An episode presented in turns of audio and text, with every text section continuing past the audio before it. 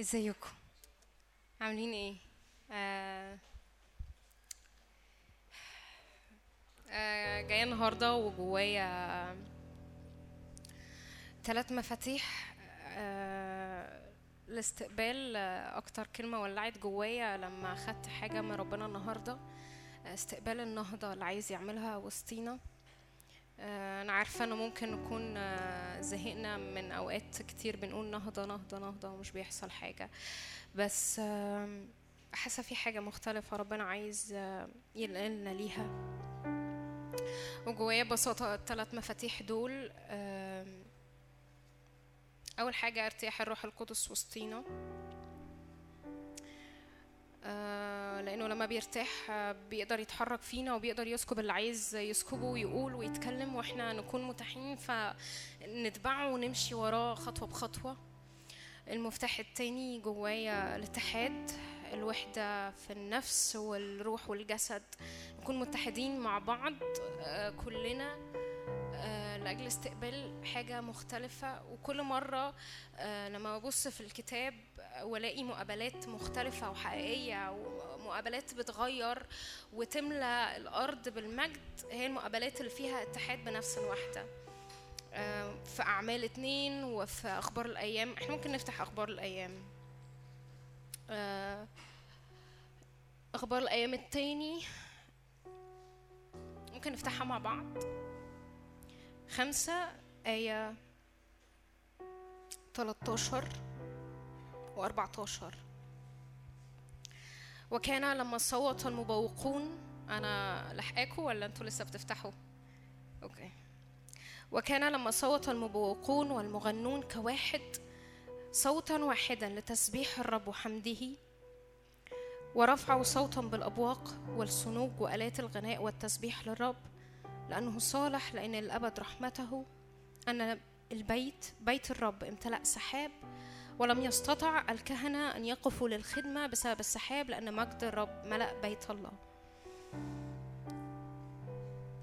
هنا من ضمن المفاتيح يعني ما كنتش هحكي عنها قوي بس جت جوايا إنه العبادة نغني ونعبد الرب حتى إحنا لو كانت حالتنا إيه جايين من فين بس نكون عينينا شخصة نحوه ونعبد بنفس واحدة نتحد مع بعض ونعبد ونصرخ للرب بنفس واحدة.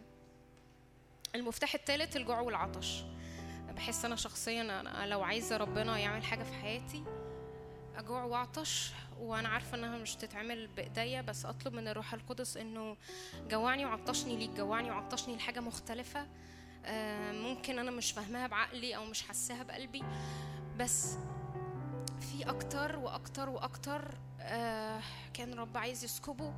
وأنا أمشي وراه يسوع فيه ف هما الثلاث مفاتيح ببساطة الجوع والعطش وارتياح الروح و والاتحاد نفس وروح وجسد حتى اتحاد نفوسنا ان كل حتة جوانا تبقى متحدة لأنه لسه جوانا حتت بتقاوم حتت وبنقول في حتت مش عايزين يسوع وحتت بنصرخ وعايزين يسوع وعايزين المجد. فإنه كل حتة جوانا تتحد مع بعضها فبالتالي نقدر حتى إحنا كإخوات نتحد مع بعض.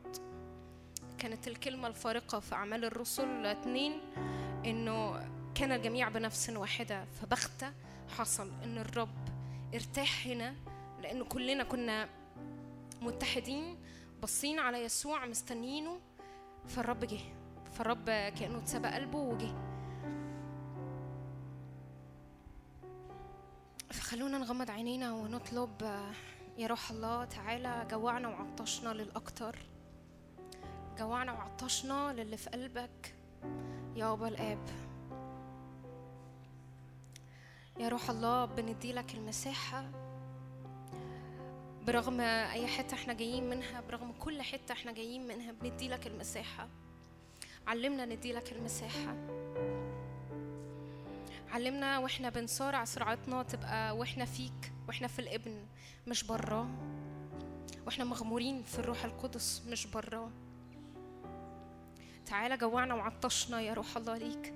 تعالى ارتاح وسطينا. تعالى علمنا نتحد روح ونفس بروح ونفس واحدة. يا رب إحنا عايزين نسبي قلبك النهارده. يا روح الله تعالى علمنا نسبي قلب الآب.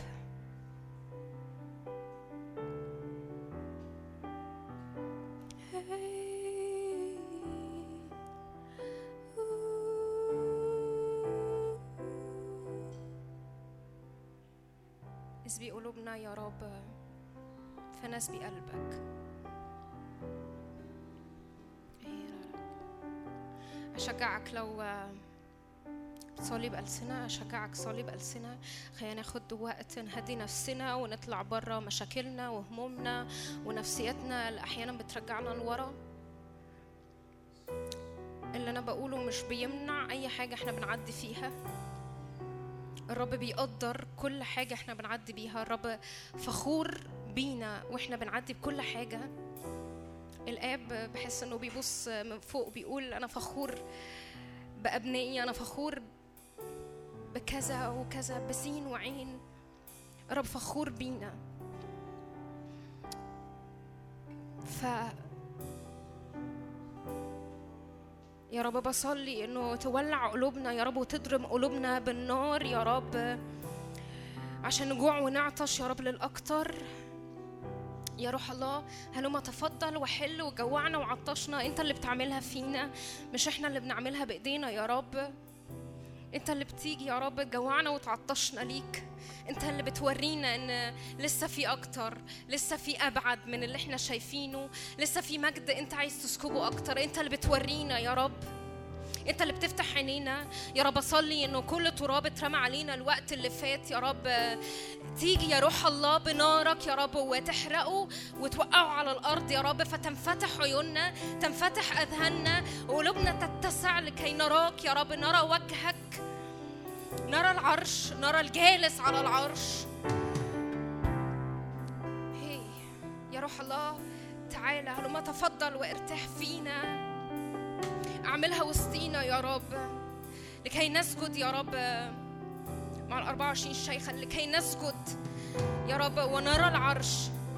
أنا بصلي ما فيش حاجة تعوقنا إنه نشوف العرش النهاردة ونمتلئ بما في قلب الآب النهاردة. يا رب أصلي إنه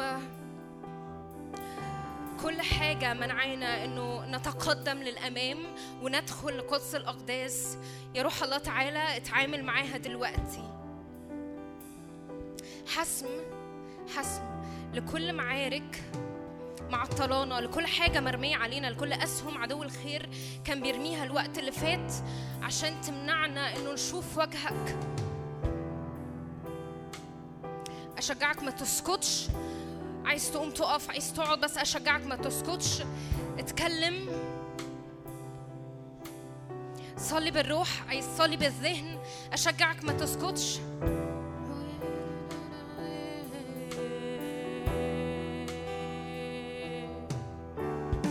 يا رب افتح عيوننا لكي نرى وجهك.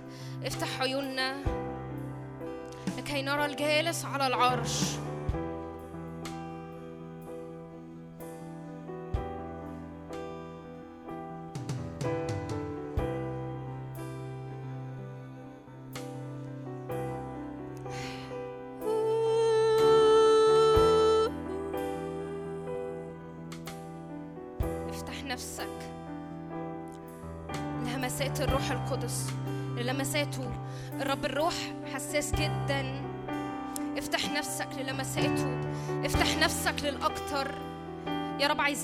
أكتر. يا رب عايزين الأعمق.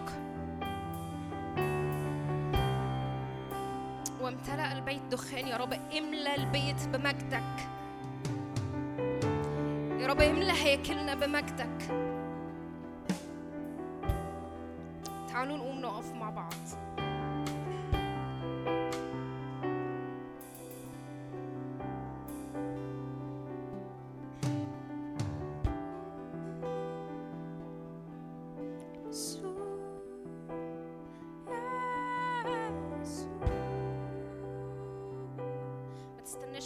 ترنيمة وتسبيحة أنت عارفها. حرك روحك ورا الرب. حرك روحك ولا الروح القدس. حرك روحك ولا الرب. اخرج بره نفسيتك ومشاكلك وحرك روحك ورا الرب. واسأله أنت عايز تقول إيه النهارده؟ يا رب بصلي إنه تيجي تهمس في ودنا يا رب و... وتسمعنا صوتك يا رب. اللي بيسمع بقاله حبة واللي ما بيسمعش. اللي ايا كانت حالتك ايا كانت حالتك. الرب عايز يجي النهارده ويسكب حاجة مختلفة. يا روح الله تعالى حركنا.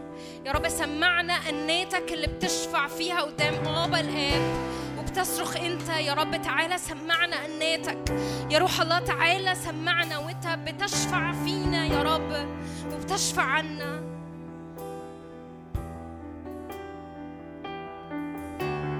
سمعنا والابن بيشفع عنا. ورينا يسوع. افتح عيوننا يا رب لكي نرى وجهك.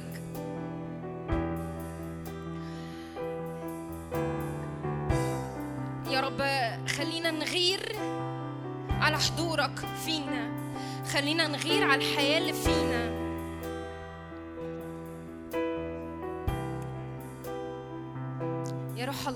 تعالى. اتحرك على كل حتة يا رب. كأنه التمسها ريحة موت وحاولت تموت فينا. تعالى رجع الحياة فينا يا روح الله. تعالى رجع الحياة فينا. تعالى املانا بتورنيدو الحياة. تعالى رجع الحياة فينا يا روح الله. وانزع كل جذور كل جذور الموت أخدها وأكلها وهو ماشي في السكة. تعالى يا رب ما نبقاش يا رب متاحين للموت. بعد الآن يا رب نبقى صاحيين يا رب ومستيقظين لأجل الحياة اللي فينا لأجل الحياة اللي بتسكبها فينا.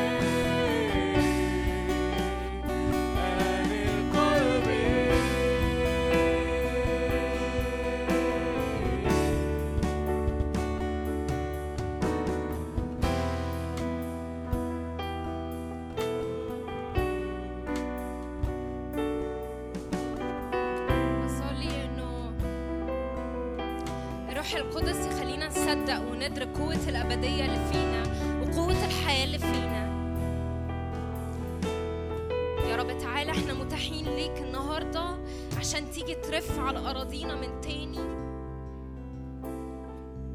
تدينا إدراك جديد. نصدق يا رب قوة الأبدية وقوة الحياة اللي أنت عايز يا رب نحط رجلينا فيها. يا رب أصلي إنه نصدق النهضة اللي أنت عايز تيجي تنهضنا بيها. بصلي إنه تنفتح عيوننا الآن. كل واحد الرب يقول له إيه الحتة اللي, اللي محتاج تنهض وتنهضي فيها عشان نكمل نتبع الرب؟ إيه الحتة اللي منع مجد الرب إنه ينسكب؟ إيه الحتة اللي لسه محتاجة نخصص فيها نفسنا لوجه الآب؟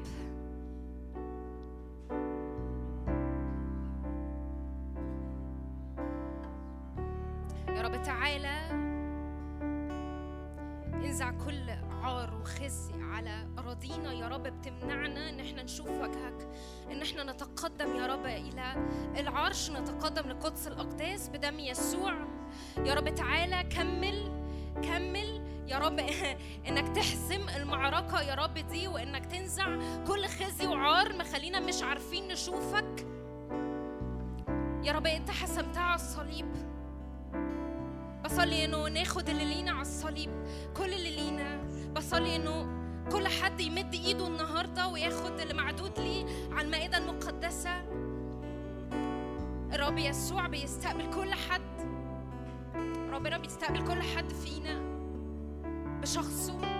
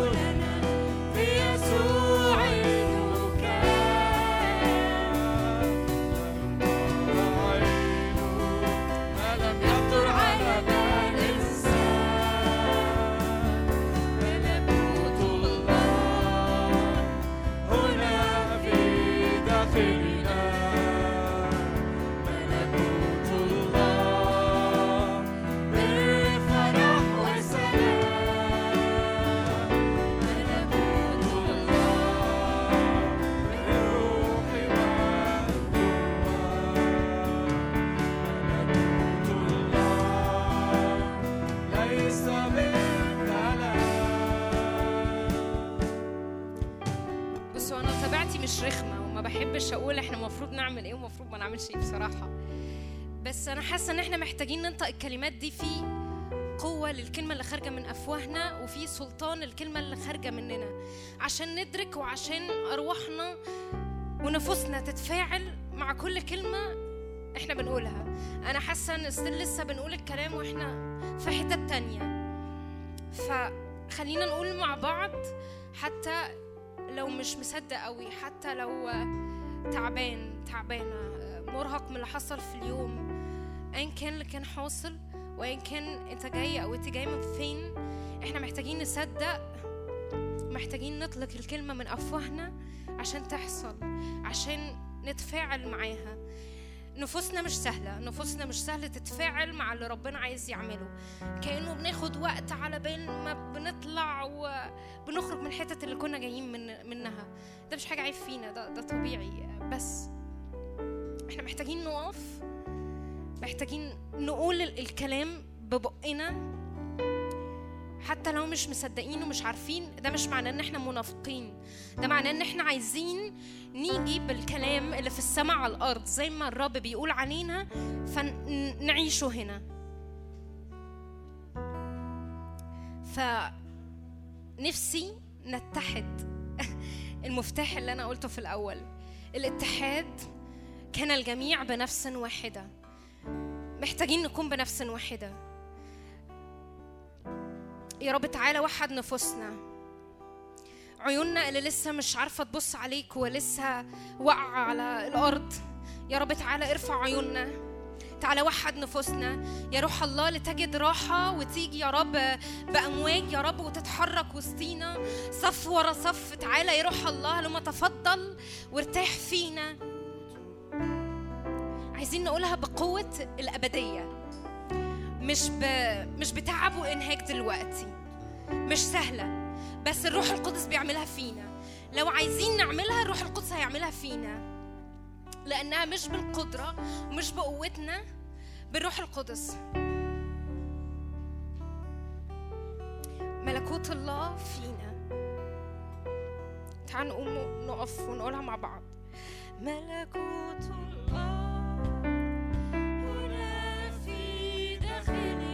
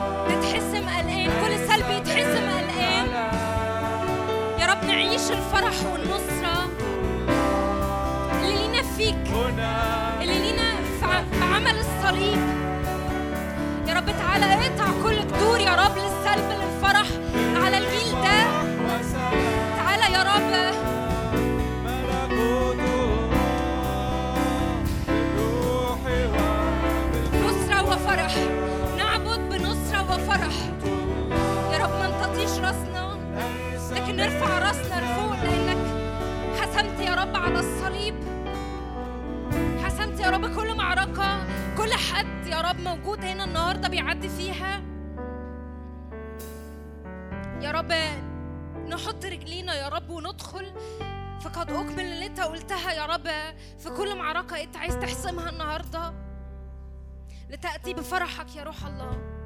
ما نكونش كلام بنقوله وخلاص. لتأتي بفرحك. لتأتي بملكوتك علينا يا روح الله.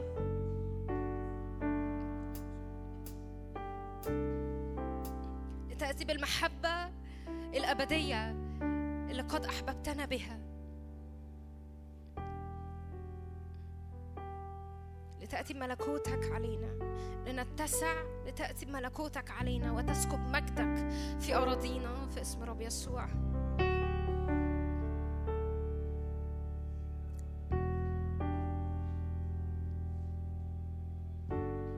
اللي جواه نغمات. اللي جواه حاجة يطلقها. ما تسكتش وما تستناش حد يقودك. الرب قدامك بيقودك. جه الوقت إنه إنه إنه نبقى مستنيين حد يقودنا يخلص. الرب نفسه قدامنا كلنا بيقودنا عشان نكمل الدايرة ونكمل عمل الرب فينا.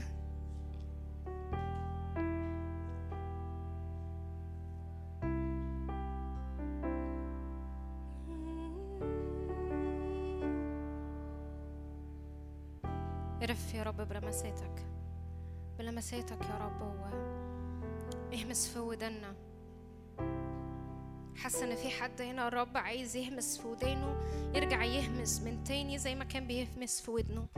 كأنه ودنه الفترة اللي فاتت ماتت مش موجودة مش حاسس بيها. الرب يهمس حياة حياة حياة في أذهاننا وودنا في قلوبنا وأراضينا حياة. إحنا بنتبع إله الحياة بنتبع يهوى إله الحياة مصدر كل الحياة.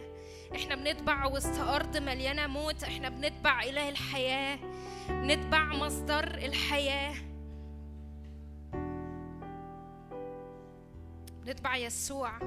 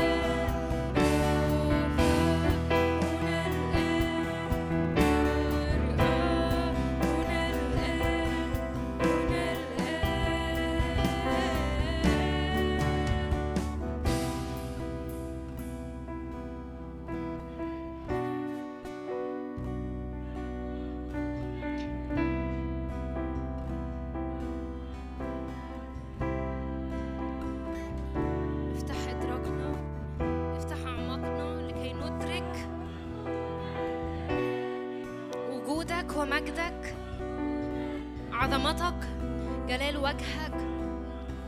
يا رب ارفع عيوننا أكتر.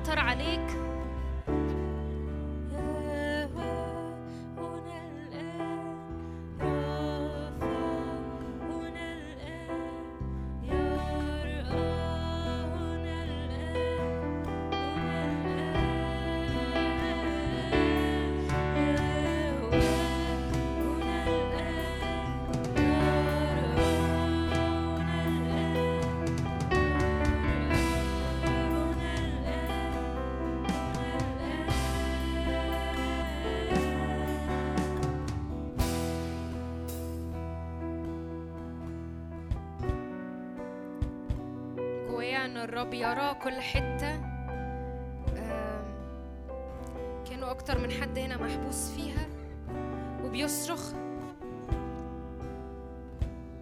لسه بيتبع الرب بس كأنه في حتة لسه محبوس فيها وبيصرخ. الرب يرى ورب يأتي بأنهاره رب يخرج يعطي حرية بالكامل. رب يحسم ويعطي حرية بالكامل.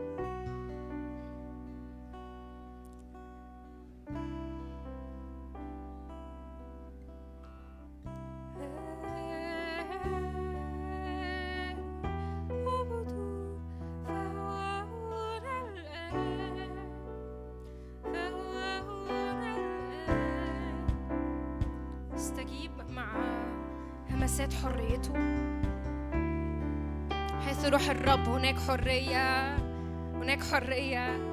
فيتبعه فرح ونصرة وسلام.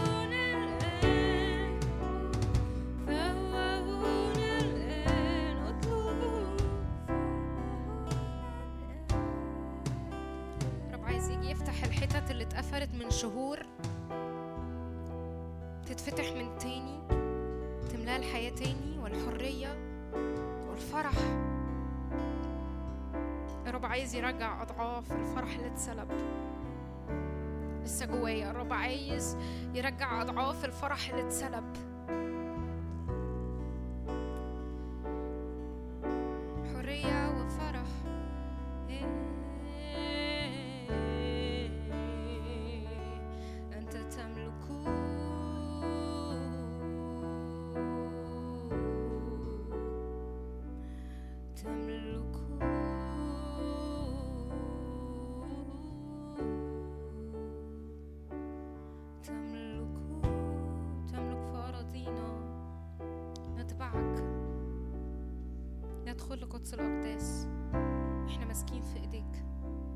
يسوع دخلنا لقدس الأقداس. نتحد معاك كي تسكن مجدك كي نرى وجهك.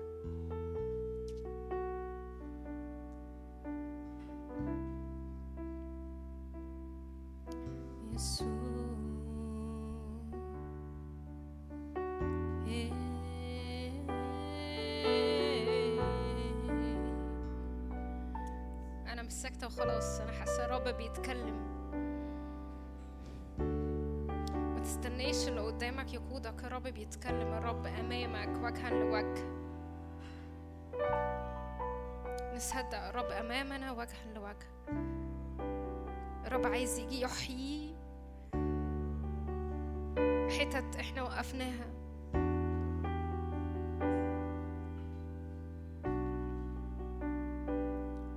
يا رب بنتلامس مع حضورك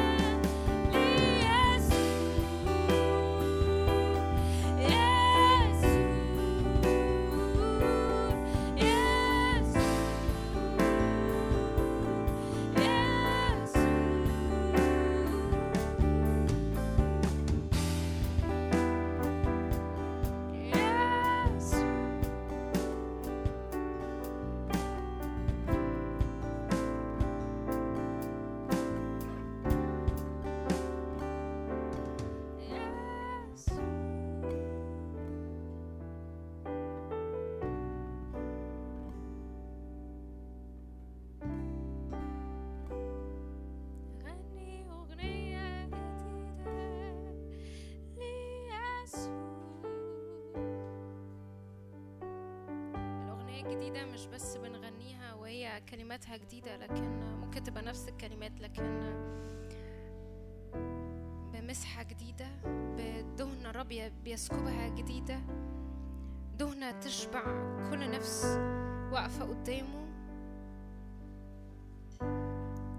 أغنية مليانة بفرح جديد بحرية من تاني.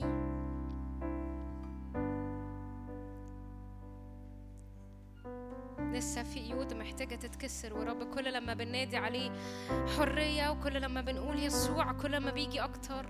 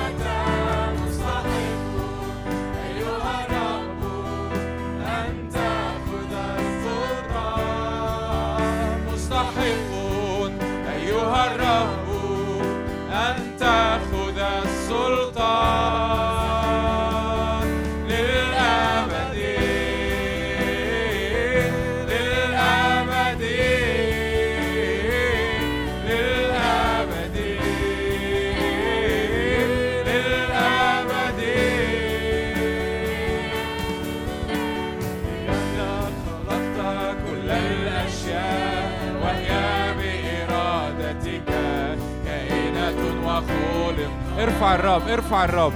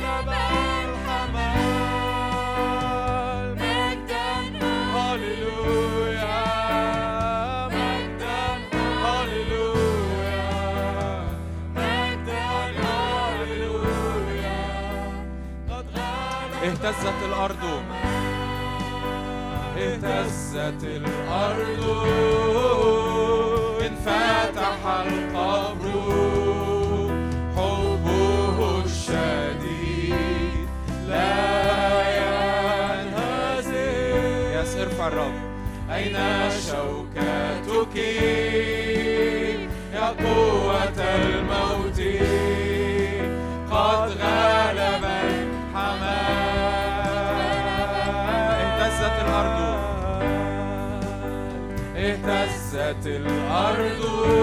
هللويا.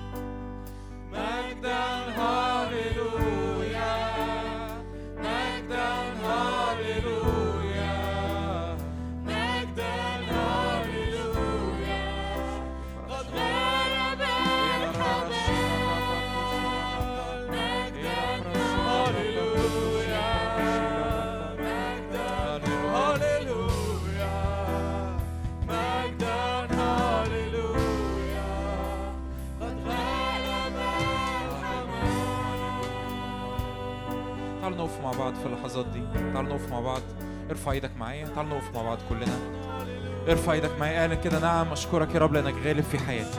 انت غالب في حياتي انت منتصر في حياتي في اسم الرب يسوع.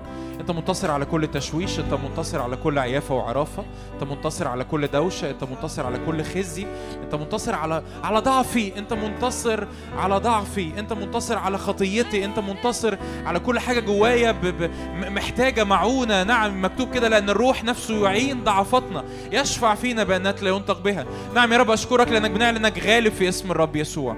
نعم يا رب أنت غالب في اسم الرب يسوع. لماذا تطلبنا الحي بين الأموات؟ يا رب أشكرك لأنك غالب لأنك منتصر لأنك دست الموت. أين شوكتك يا موت؟ أين غلبتك يا هوية في اسم الرب يسوع؟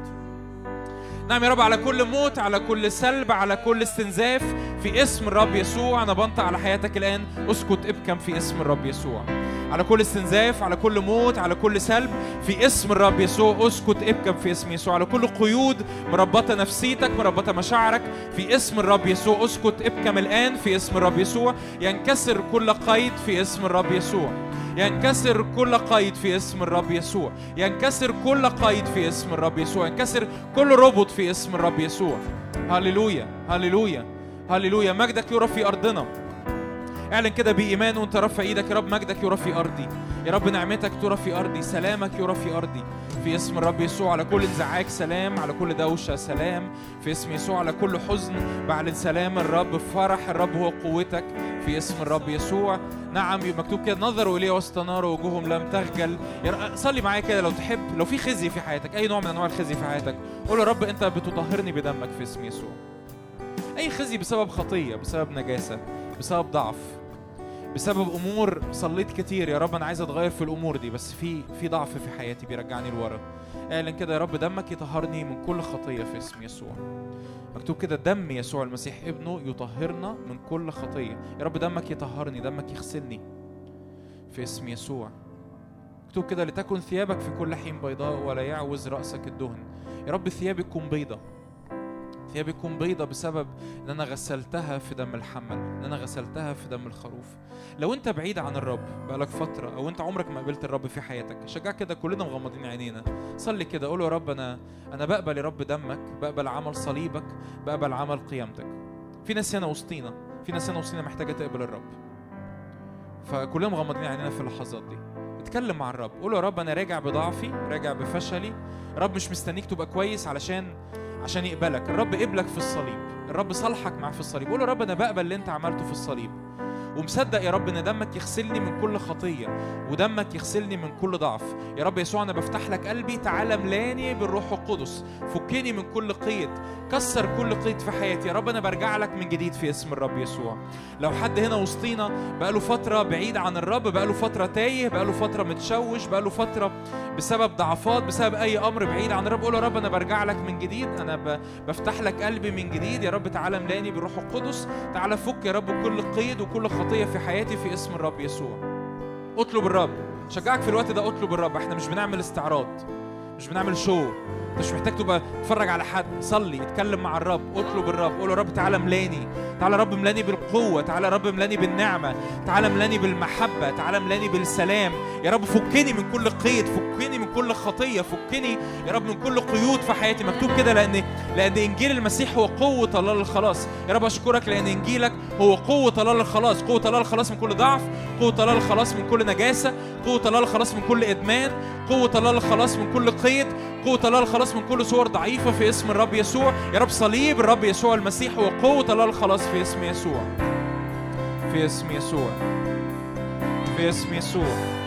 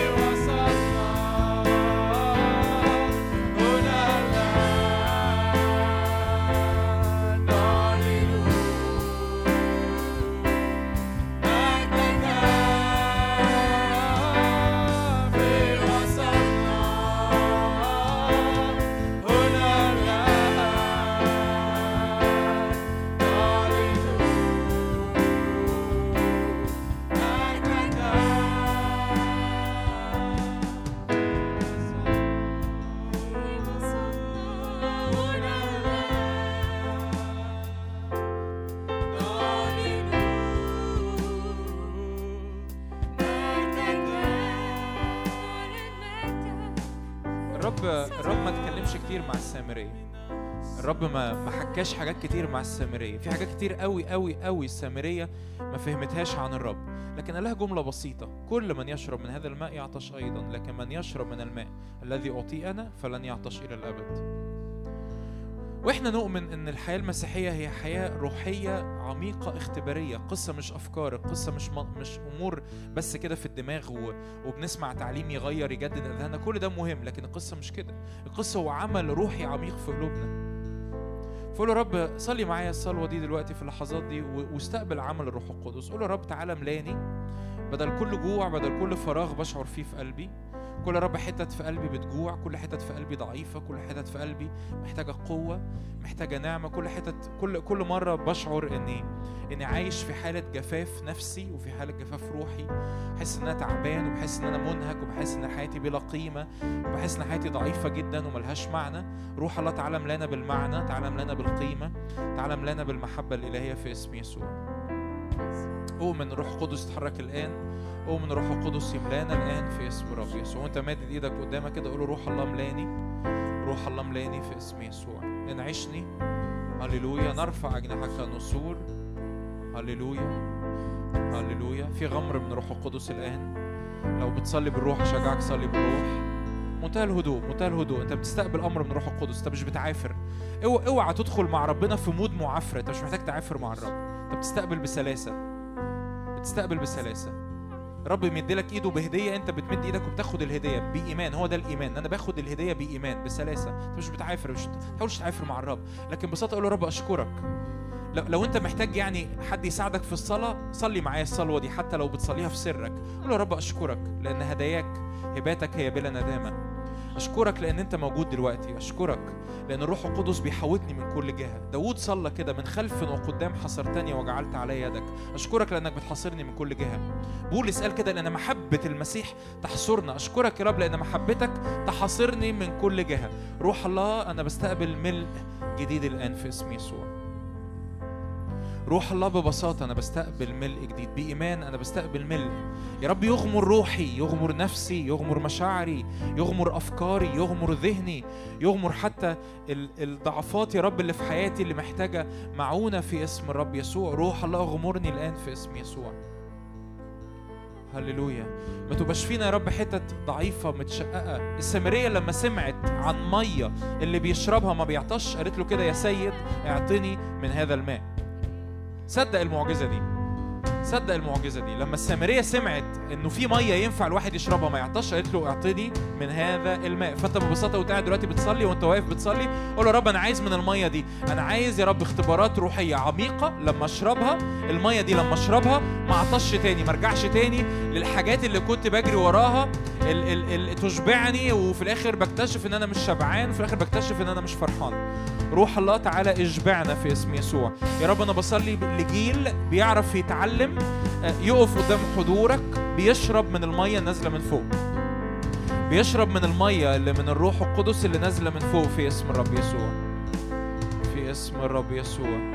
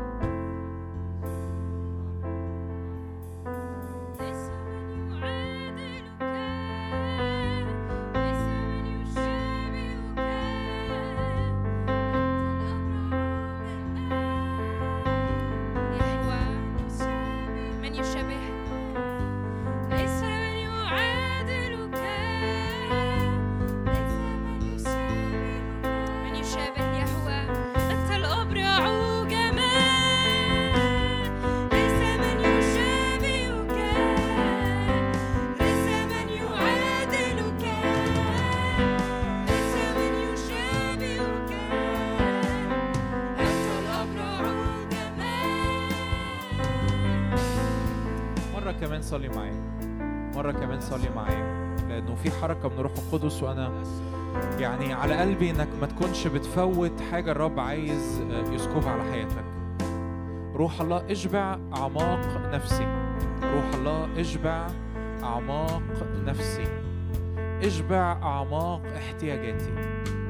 اشبع يا رب كل حتة فيا بتصرخ كل حتة فيا بتئن كل حتة فيا متألمة كل حتة فيا متوجعة كل حتة فيا مش لاقية مكان شبع وكل حتة فيا مش لاقية مكان راحة. يقول كده الرب تعالوا إلي جميع المتعبين والثقيل الأحمال وأنا أريحكم. ارمي أحمالك على الرب ارمي أثقالك على الرب وقول له يا رب أنا أنا ليه خايف؟ أنا ليه قلقان؟ أنا ليه مهموم؟ أنا أثق في الروح القدس اللي يقود حياتي. أنا أثق في الروح القدس اللي يقود أيامي. أنا أثق يا رب إن في- وسط يا رب أرض مشققة في وسط يا رب أرض ناشفة. يا رب أنا عطشت إليك نفسي ويشتاق إليك جسدي. في وسط أرض يا رب فيهاش مية. يا رب إحنا بنشتاق لك وبنعطش لك لأنه مفيش يا رب ارتواء إلا عندك في اسم يسوع. نعم يا رب. مفيش ارتواء إلا عندك مفيش شبع إلا عندك مفيش فرح إلا عندك. نعم يا رب نعم يا رب. يا رب أشكرك لأجل كل أمر يا رب صنعته وسطينا. أشكرك لأجل كل كلمة اتكلمتها على حياتنا. يا رب ليزداد حضورك علينا في هذه الليلة في اسم الرب يسوع في اسم يسوع.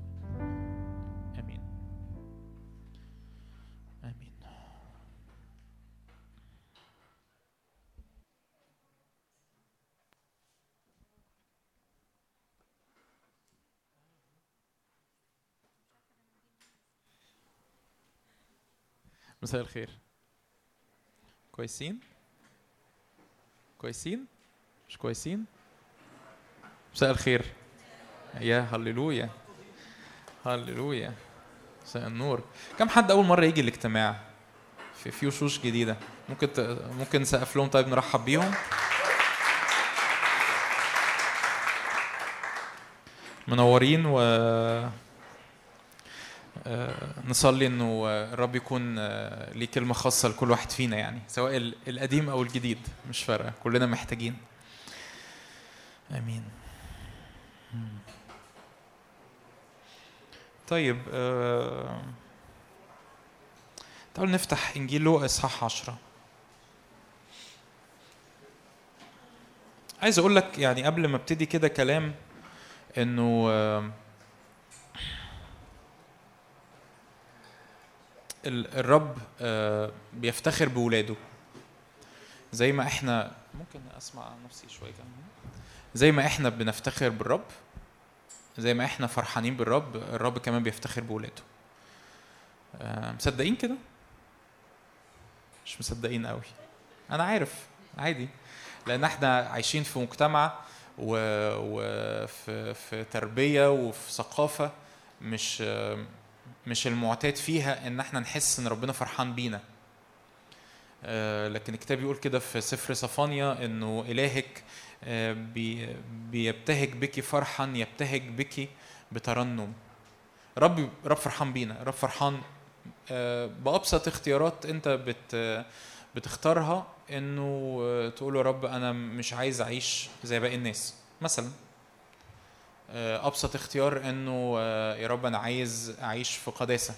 يا رب أنا عايز أختبر محبتك. يا رب أنا آه، العالم بيقدم لي اختيارات كتير قوي ينفع أكون بغرق فيها من من شر من من نجاسة من إدمانات من خطايا من أو أو حتى لو هي يعني ما هياش حاجات يعني كبيرة قوي لكن حاجات تلهيني حاجات تضيع لي وقتي. آه، الرب رب يفتخر.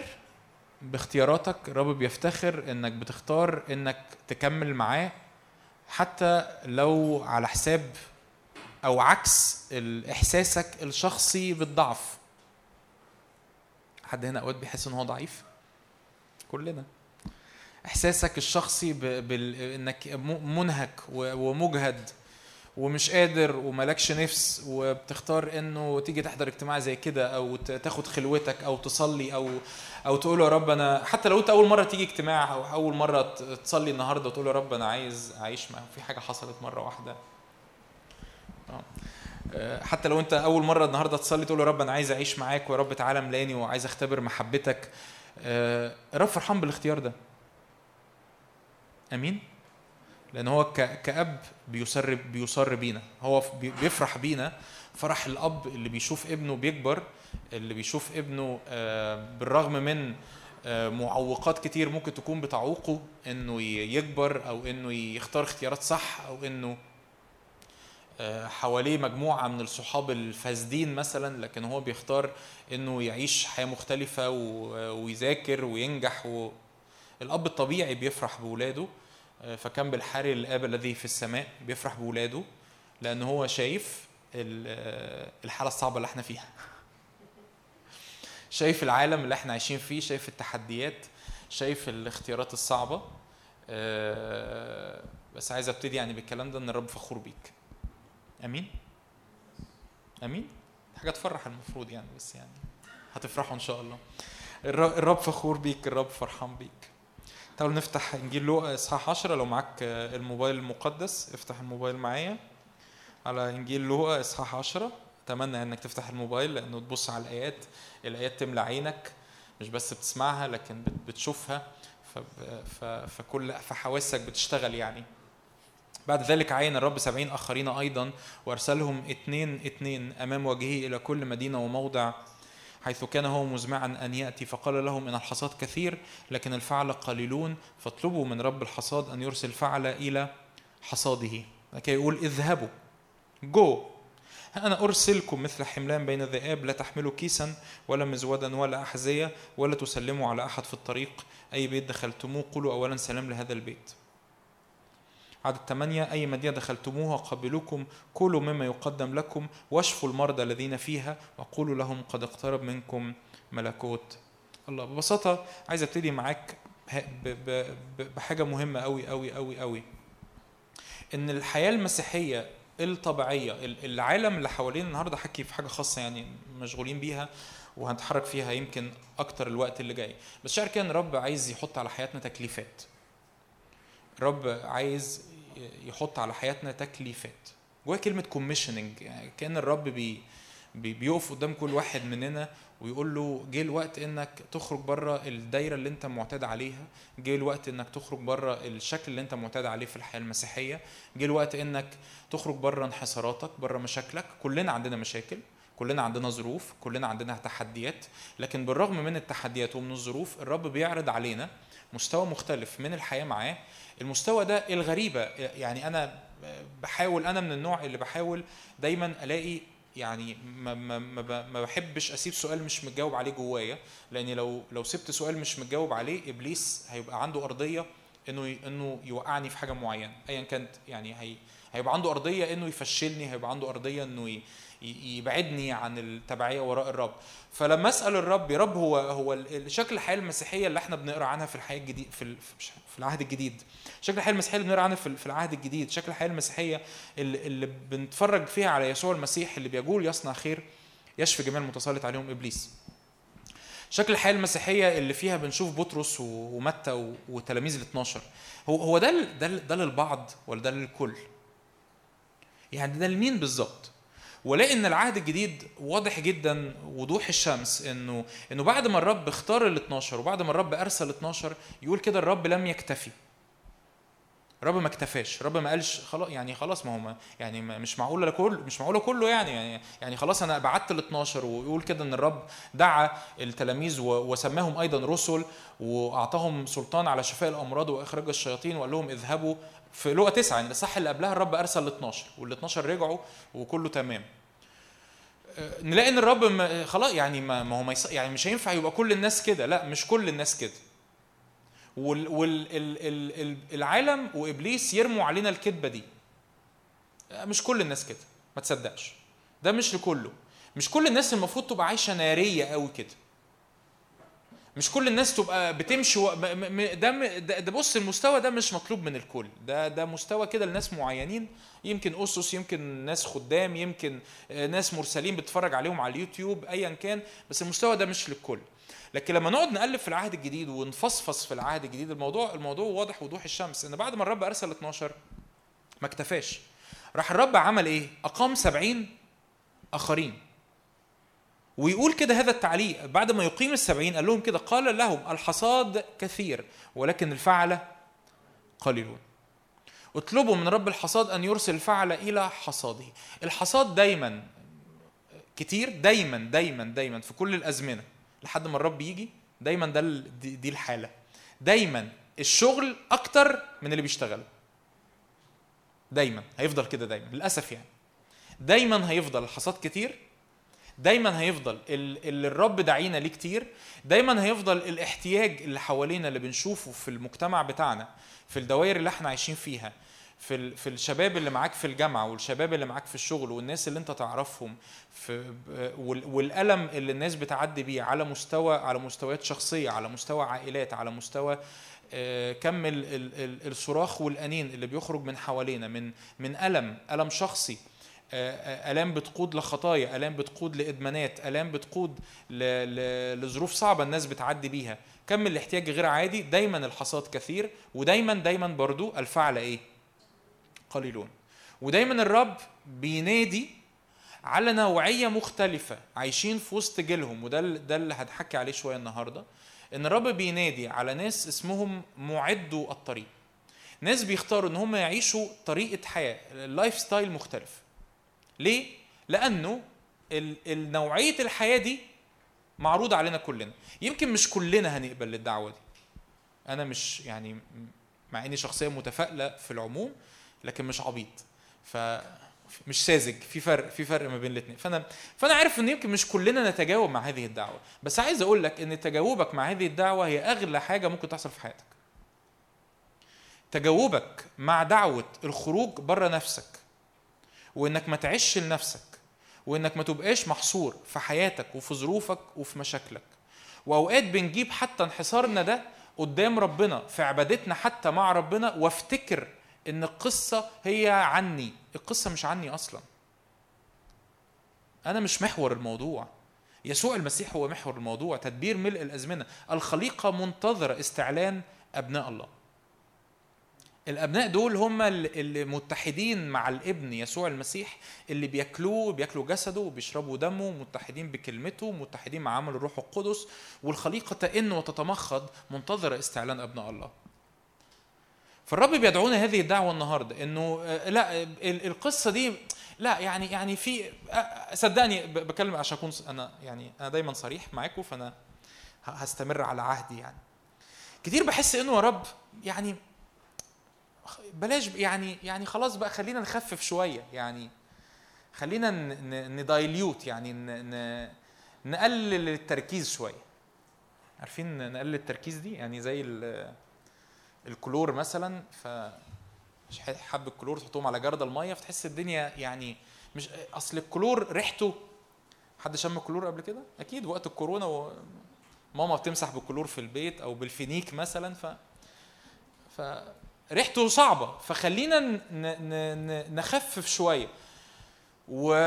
و... ولاقي إنه يمكن دي حاجة مرتبطة بدعوة ربنا على حياتي لكن أنا عارف برضو إنه إن هي مرتبطة بكلمة الرب لأن كلمة الرب حق. إن إن لما نتفرج في كان في بولس آه كان في بولس كان في بطرس كان في يوحنا. بس الغريبه برضه كان في استفانوس مين استفانوس ده يعني يعني واحد.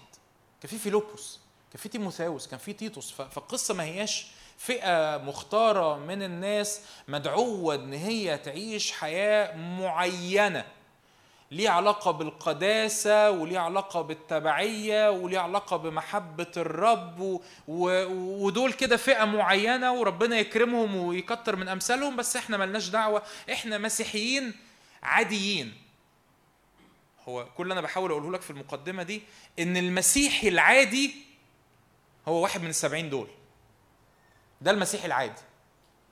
ما في يعني ده المسيحي العادي. الرب ما كانش عنده يمكن تكون سمعتني بقول التعبير ده قبل كده. في العهد الجديد ما كان إحنا عندنا تقسيمات لل- للمسيحيين أو للبشر. عندنا ناس غير مؤمنين وعندنا ناس مسيحيين مش مؤمنين وعندنا ناس مسيحيين مؤمنين وعندنا تلاميذ وعندنا تلاميذ مكرسين وعندنا خدام متفرغين وعندنا بقى ده ده رجل الله بقى ده اللي هو إيه بقى؟ يعني فاهمين أقصد إيه؟ العهد الجديد ما فيهوش التقسيمه دي. ما فيهوش. العهد الجديد فيه تلاميذ وغير تلاميذ. يعني يا ناس هم عايشين مش تلاميذ هم مقررين كده إحنا مش تلاميذ الرب. اساله كده أخبار حضرتك إيه؟ حضرتك تلميذ فين؟ يقول لك أنا تلميذ للعالم أنا تلميذ لإبليس أنا تلميذ للخطية. يعني إيه تلميذ؟ يعني بتبع يعني بتعلم يعني مبادئي هي مبادئ العالم هي مبادئ الخطية هي مبادئ إبليس هي مبادئ الحياة الع... آه عادي. بحضر ممكن تكون بتحضر اجتماعات و... وبتصلي وبتعمل كل حاجة بس عايش عادي. أو تلميذ أو واحد بيختار إنه يحمل الصليب كل يوم ويتبعه. وال- والغريب إن الرب يسوع كان كان كان شارب أكتر مني يعني بكتير. بكتير يعني يعني شارب أكتر من أي خادم أنت ممكن تسمعه في يوم من الأيام. يعني أنا كتير بتهم إن أنا sharp. الرب يسوع كان sharp أكتر مني بمراحل. لدرجة إنه في يوم من الأيام شوية ناس ما فهموش وعظه من الوعظات ففي ناس سابوه فراح لف ال 12 قال لهم أنتوا كمان عايزين تمشوا؟ bye bye. طب ليه يعني؟ ليه يعني؟ يعني ليه يا رب ليه يا رب تعمل معاهم كده؟ يعني خليهم شوية. فالرب يسوع كان sharp جدا في الحتة دي. ليه؟ لأنه لأنه الدعوة للحياة المسيحية هي دعوة حقيقية لحياة مختلفة. ليه؟ لأنه أول ما بتدخل نسبة دايليوشن نسبة تخفيف لحقيقة الحياة المسيحية جواك دي بتبقى ثغرة إنك تعيش عادي. إنك تسقط في خطية. إنك تعيش في نجاسة. إنك تعيش بلا طعم. وإيه يعني إيه المشكلة ما بلا طعم؟ ما مسيحيين كتير قوي بلا طعم. آه ما هي مصيبة سودة. ما هو- المسيحيين كتير اللي بلا طعم يقول كده. إذا فسد الملح فبماذا إيه؟ يملح. إيه الشطارة دي؟ كلكم حافظينها. لا يصلح بعد لشيء إلا أن يطرح خارجا وإيه؟ وحاجة مؤلمة. تلاقي الش- الشخص اللي الرب دعيه إن هو يكون ملح إنه يعطي طعم إنه يكون ريحته نفاذة لأن دي دي ده معنى الكلمة في كورنثوس الثانية 2 لاننا رح نحن رائحة المسيح الزكية. إن ريحته تكون نفاذة فقد الريحة النفاذة. ليه؟ لأنه بقى مخفف. ريحة الكلور ما بقتش باينة. ليه؟ بقى مخفف. فما بقاش effective ما بقاش فعال 100% فلا يصلح بعد للشيء ما ينفعش تقول أنا أنا بطهر الأسطح بالكلور. ليه؟ لأنه بقى مخفف. لا يصلح بعد للشيء إلا ان يطرح خارجا. والملح كان زم... يعني الرب يسوع بيقتبس ال- الصورة دي زمان في الإمبراطورية الرومانية الملح لأنه كان مليان شوايب فما كانش بيقعد لأوقات طويلة آه، بيحتفظ بالملوحة. فكان بيبقى ملح كويس يقعد شوية على الرف أول ما الرطوبة تدخل فيه يفقد فعلا الملوحة. طب كانوا بيعملوا بيه إيه؟ كانوا بيرصفوا بيه الطرق. يتحط على الحجارة بتاعت الطريق زي ال... زي الأسفلت كده عندنا أيامنا كده ويرصفوا بيه الطريق. فهو حرفيا بيداس من الناس. فاول ما ما تقبل. هي الفكرة في إيه؟ الفكرة إنه ال ال ال ال إبليس مش الرب. إبليس ي ي ما بيجيلكش مرة واحدة يقول لك آه، تعالى إذني. تعالى آه، آه، أنت مؤمن بتحب الرب بتحب كلمة الرب بتصلي تعالى نمشي في سكة إدمان مخدرات. مش هتمشي في سكة إدمان يعني الموضوع بسيط يعني. إبليس مش هيطلع لك بقرنين ويقول لك عو أنا يعني مش يعني مش بالسذاجة دي مش بالسذاجة دي. لكن إبليس يبقى يأتي في صورة الضعف اللي أنت متعود عليه زي شمشون. إيه. إيه شمشون قصته؟ بيحب الستات. فيتعرف على واحدة اسمها دليلة تقعدوا على على حجرها تلعب له في شعره تقول له حبيب قلبي روحي حياتي ماذا يفعل لإذلالك؟ الخ... فكر في الخطيه بنفس المبدأ فكر في الخطيه بنفس المبدأ. كل مرة بتساوم فيها مع الخ- مع الخطية افتكر كده افتكر أتمنى إنك تفتكر. ممكن يكون اللي أنا هقوله ده إحدى مفاتيح الانتصار في حياتك على الخطية. إن إبليس بيسألك سؤال أذلك إزاي؟ أذلك إزاي؟ وأنت بتروح تقول له ذلني بعلاقة ذلني بسجارة ذلني بخطية. قول له بس كده حبيبي أذلك حاضر. تخيل معايا ثلاث مرات دليله تسأل شمشون نفس السؤال. ماذا تخيل بجاحة السؤال وتخيل هبل شمشون. يعني إحنا في اجت- سامحني يا شمشون هقابلك في السماء بس أنا في اجتماع شباب فلازم أشرح لهم بس. تخيل السذاجة. ماذا يفعل لأجل إيه؟ بتقول له كده في وشه وهو آه، آه، لا آه، لما يربطوني بي... إيه إيه إيه المشكلة؟ شمشون بيلعب. بيلعب كان بيلعب. هو فاكر الموضوع لعبة؟ هو الموضوع مش لعبة. الموضوع مش لعبة. الموضوع مش إنك بتخفف. ما ما ما, ما, تبقاش قوي كده. ليه ما بقاش قوي كده؟ هيزعلوا. ما, يزعل ما هيزعلوا. أيوه. الكتاب نفسه بيقول إنه الرب يسوع يقول كده صراحة ما جئت لألقي سلام بل ألقي نار. في ناس هتزعل منك. أيوه. في ناس هتزعل منك. هتعمل هتعمل اختيارات. في ناس فيها مش هتبقى مبسوطة من اختياراتك. أيوه لازم تكون مستعد لده. يعني يمكن أنا في نقط وبتاع بس ما أعرفش المقدمة طولت ليه. يعني, هو في كله في نفس الموضوع يعني. أيوه في ناس هترفض اللي أنت بتعمله. في ناس هتحس إن أنت مأفور. أيوه. أنت عايش عشان ترضي الناس ولا ولا عايش عشان أنت بتلاقي معنى لحياتك؟ فشمشون كان بيلعب داوود كان بيلعب. إحدى أخطاء داوود ال- الكبيرة قبل ما يزني مع بسشبع إنه كان متجوز ستات كتير. فداود برضو كان بيحب الستات. عملها الأول بطريقة شرعية إنجاز التعبير مع إنه كتابيا ما كانش المفروض يعمل كده لكن هو متجوز لحد ما عمل إيه؟ زنى. فالخطيه ما يتلعبش معاها. الكتاب يقول كده هل يأخذ إنسان نارا في حضنه؟ ولا يحترق. هو ينفع إنسان ياخد نار في حضنه ويتوقع إنه ما يتحرقش؟ ما تاخدش نار في حضنك. ما تلعبيش في علاقة انت عارفة إن هي اخرها مش هيودي في حاجة. ما تلعبش في قعده انت عارف إن القصة دي كل حاجة بتدور في القعده دي لا تمجد الله.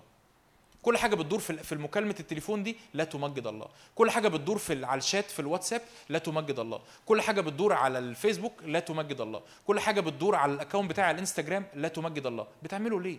أنا بلعب بضيع وقت. افتكر شمشون اللي كان بيلعب.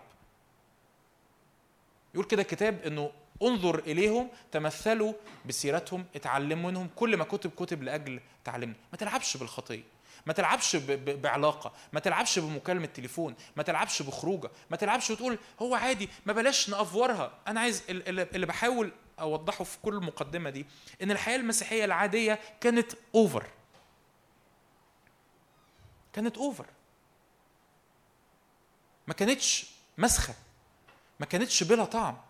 عشان كده التلاميذ كان تأثيرهم over لأن حياتهم كانت over عشان كده كانوا مأفورين في تأثيرهم. ما تأفورش قوي في قصة بقالنا خدنا مثلا أربع أو خمس مرات بنتكلم عن القلب وعن دوافع القلب وعن صدق الدوافع وعن التشكيل الداخلي. ما مش ما تعقدش الأمور قوي كده. ما هو ما هو ما هو أول ما الأمور بقت دايليوتد بقت مخففة الخطية ازدادت في الكنيسة والكنيسة فقدت تأثيرها. والرب بيقيم جيل ده إيماني. أنا مش بقول كل ده علشان أحبطك أنا بقول كل ده لأن أنا أنا بهرجع أقول تاني الرب فخور بيكم. الرب فخور بكل واحد فيكم. والرب عايز يقيم من هنا جيل مختلف بيعدوا طريق قدام الرب. بيقولوا يا رب إحنا عندنا الاستعداد إنه بالرغم من بالرغم من الخطية بالرغم من النجاسة بالرغم من الشر. يقول لك كده في أيام مجيء ابن الإنسان هتكون زي أيام نوح. أيام نوح كانت مليانة خطية؟ آه. أيام نوح كانت مليانة شر وابتعاد عن الله؟ آه. أيام نوح كانت مليانة كبرياء؟ آه. لكن أيام نوح كان فيها نوح. صح ولا إيه؟ أيام نوح كان فيها إيه؟ نوح. يقول كده إن الرب حفظ نوح ثامنا كارزا للبر. ورب يحفظنا زي نوح. تخيل معايا المعجزة إنه شاب أنا أنا أنا عارف إن المعجزات زي كده بتحصل يعني أنا عارف قصص. شاب في سن الجامعة بيقرر إنه بينتصر على pornography بالسنين. هتقولي ده فين؟ ده موجودين في ناس موجودين وسطينا هنا كده. بنت كانت بت بت بتصارع مع افكار وقصص وعندها مشاكل مع اهلها وبتنتصر على ده كله وبتختار الرب. دي قصة دي قصة الناس موجودين وسطينا مش بحكي عن ناس آه، آه، بيطلعوا على اليوتيوب. ولاد وبنات زيكم بالظبط. طب وهنروح بعيد ليه؟ سيبك من فلان وفلانة. أخبار يوسف إيه؟ يوسف اللي كان عنده 17 سنة وما اتعرضش عليه موقع. اتعرض عليه آه، زنا متقشر واحدة سيدة البيت وما كانش عنده اجتماع مشجع وما عندوش كتاب مقدس وبعيد عن أهله وعبد. متباع عبد. يعني هو لا يملك إرادته. لا يملك إرادته. لا يملك اختياره. تخيل معايا. لا يملك إرادته. لا يملك اختياره. وفي الآخر قال لها كيف أصنع هذا الشر العظيم وأخطئ إلى الايه طب ما العب. إذني معاها مرة وقول له معلش يا رب كنت مضطر لأنه لأن أنت عارف إيه اللي كان ممكن يجرى لي وكلنا عارفين إيه اللي جرى ليوسف بعد كده صح؟ اترمى في السجن واتبلت عليه وكل ده. فالمسيحية مش مخففة. والعلاقة مع الر- مع الرب صدقني أنا حاولت يعني أنا حاولت أخففها. ما... لقيت إن أنا هضحك على نفسي. هضحك على نفسي. وبضحك عليك لو قلت لك إن هي تبقى مخففة. مخففة في القداسة مخففة في التبعية مخففة في التكريس مخففة في, اختيار اختيارات راديكال اختيارات جذرية وراء الرب. ما ما مش ما مش هنا يعني تبقى ممكن تسميها المسيحية اللي في البطاقة لكن مش المسيحية اللي في الكتاب. آمين؟ ممكن تسميها مسيحية بحسب العالم. أوكي سميها كده. اتفقنا. سميها مسيحية اليومين دول. اتفقنا. لكن هي ما هياش مسيحية الكتاب. مسيحية الكتاب حقيقي متطرفة. ومش متطرفة بالشكل يعني أسلحة وإرهاب لا متطرفة بمعنى تاخد اختيارات مش طبيعية مش منطقية. بتاخد اختيارات ورا الرب مش شبه الناس. أيوه مش شبه الناس. ومين قال إن أنا مدعو إن أنا أعيش شبه الناس؟ الناس رايحين في داهية روح معاهم في داهية. ببساطة فكر. كتاب يقول رومية 8 أبسط اهتمام الجسد هو موت. اهتمام الروح هو حياة وسلام. رومية 8 ما بيتكلمش عن الخطايا الكبيرة بيتكلم عن اهتمام الجسد. يعني إيه اهتمام الجسد؟ إنك تكون عايش لأجل جسدك. ببساطة. طب هو ما اهتمام الجسد الكتاب قال لي إن اهتمام الجسد هو إيه؟ موت. واهتمام الروح هو إيه؟ طب المؤمنين اللي معايا في الاجتماع جسديين.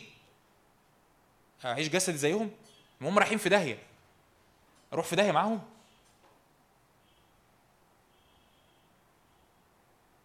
عشان كده الرب كان واضح جدا في سفر التثنية قد جعلت أمامك الحياة والموت البركة واللعنة فاختر الحياة لكي إيه؟ اختار الحياة. أنت عندك القدرة النهارده أكتر من أي سن هتعدي بيه بعد كده. عشان كده الكتاب غريب الكتاب غريبه الإحصائيات العالمية.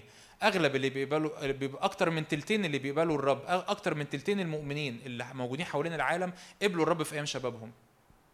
أكتر الناس اللي بيختاروا اختيارات للآخر وراء الرب هم الشباب. عشان كده الكتاب قال لنا اعرف خالقك في أيام شبابك. اعرف الرب التصق بيه وانت صغير في السن.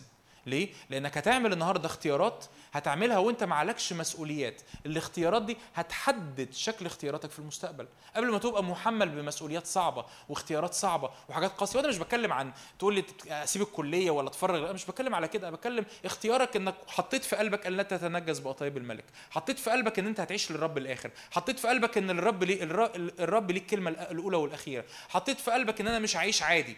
هتيجي بعد كده الاختيارات السهلة والصعبة بس أنت حطيت مبادئ. حطيت قيم إيه القيم؟ إن الرب ليه الكلمة الأولى والأخيرة. إن أنا إن أنا عايش مختلف. إن أنا مش لازم أو إن إن الناس مش لازم ترضى عن كل حاجة بعملها. إن أهم حاجة إن الرب يبص عليا ويبقى مسرور. حطيت القيم دي في حياتك؟ أي اختيارات بعد كده في حياتك هتبقى نتيجة للقيم اللي أنت حطيتها. زي واحد بيدخل كلية هندسة هو متوقع إنه لما يكبر هيشتغل في الهندسة. إلا لو حصل يعني حاجة ضخمة في حياته أو هو ما كانش بيحب الهندسة من الأول. ليه؟ لأنه حط قيمة في حياته. القيمه ليها علاقة بالدراسة اللي اشتغلها مصاريف الدفاع في الكلية رحلة مشيها الرحلة دي بتقود حياته في المستقبل رحلتك مع الرب في المستقبل بيقودها اختياراتك النهارده فاختار النهارده اختيارات جادة مع الرب ليه؟ لأن عايز أقول لك صدقني صدقني صدقني صدقيني أسهل أسهل أسهل 100 وألف ومليون مرة من اختيارات هتعملها كمان خمس سنين أو كمان عشر سنين. اختيارك إنك تتبع الرب بكل قلبك اختيار إنك تحب الرب للآخر اختيار إنه يا رب أنت الأول والآخر. أنت خيري سيدي لا شيء غيرك. من لي سواك في السماء ومعك لا أريد شيئا على الأرض. أقيم اختيارات هتعملها في حياتك الاختيارات اللي بتعملها في السن ده. آمين؟ آمين؟ تعالوا نفتح مع بعض لوقا واحد.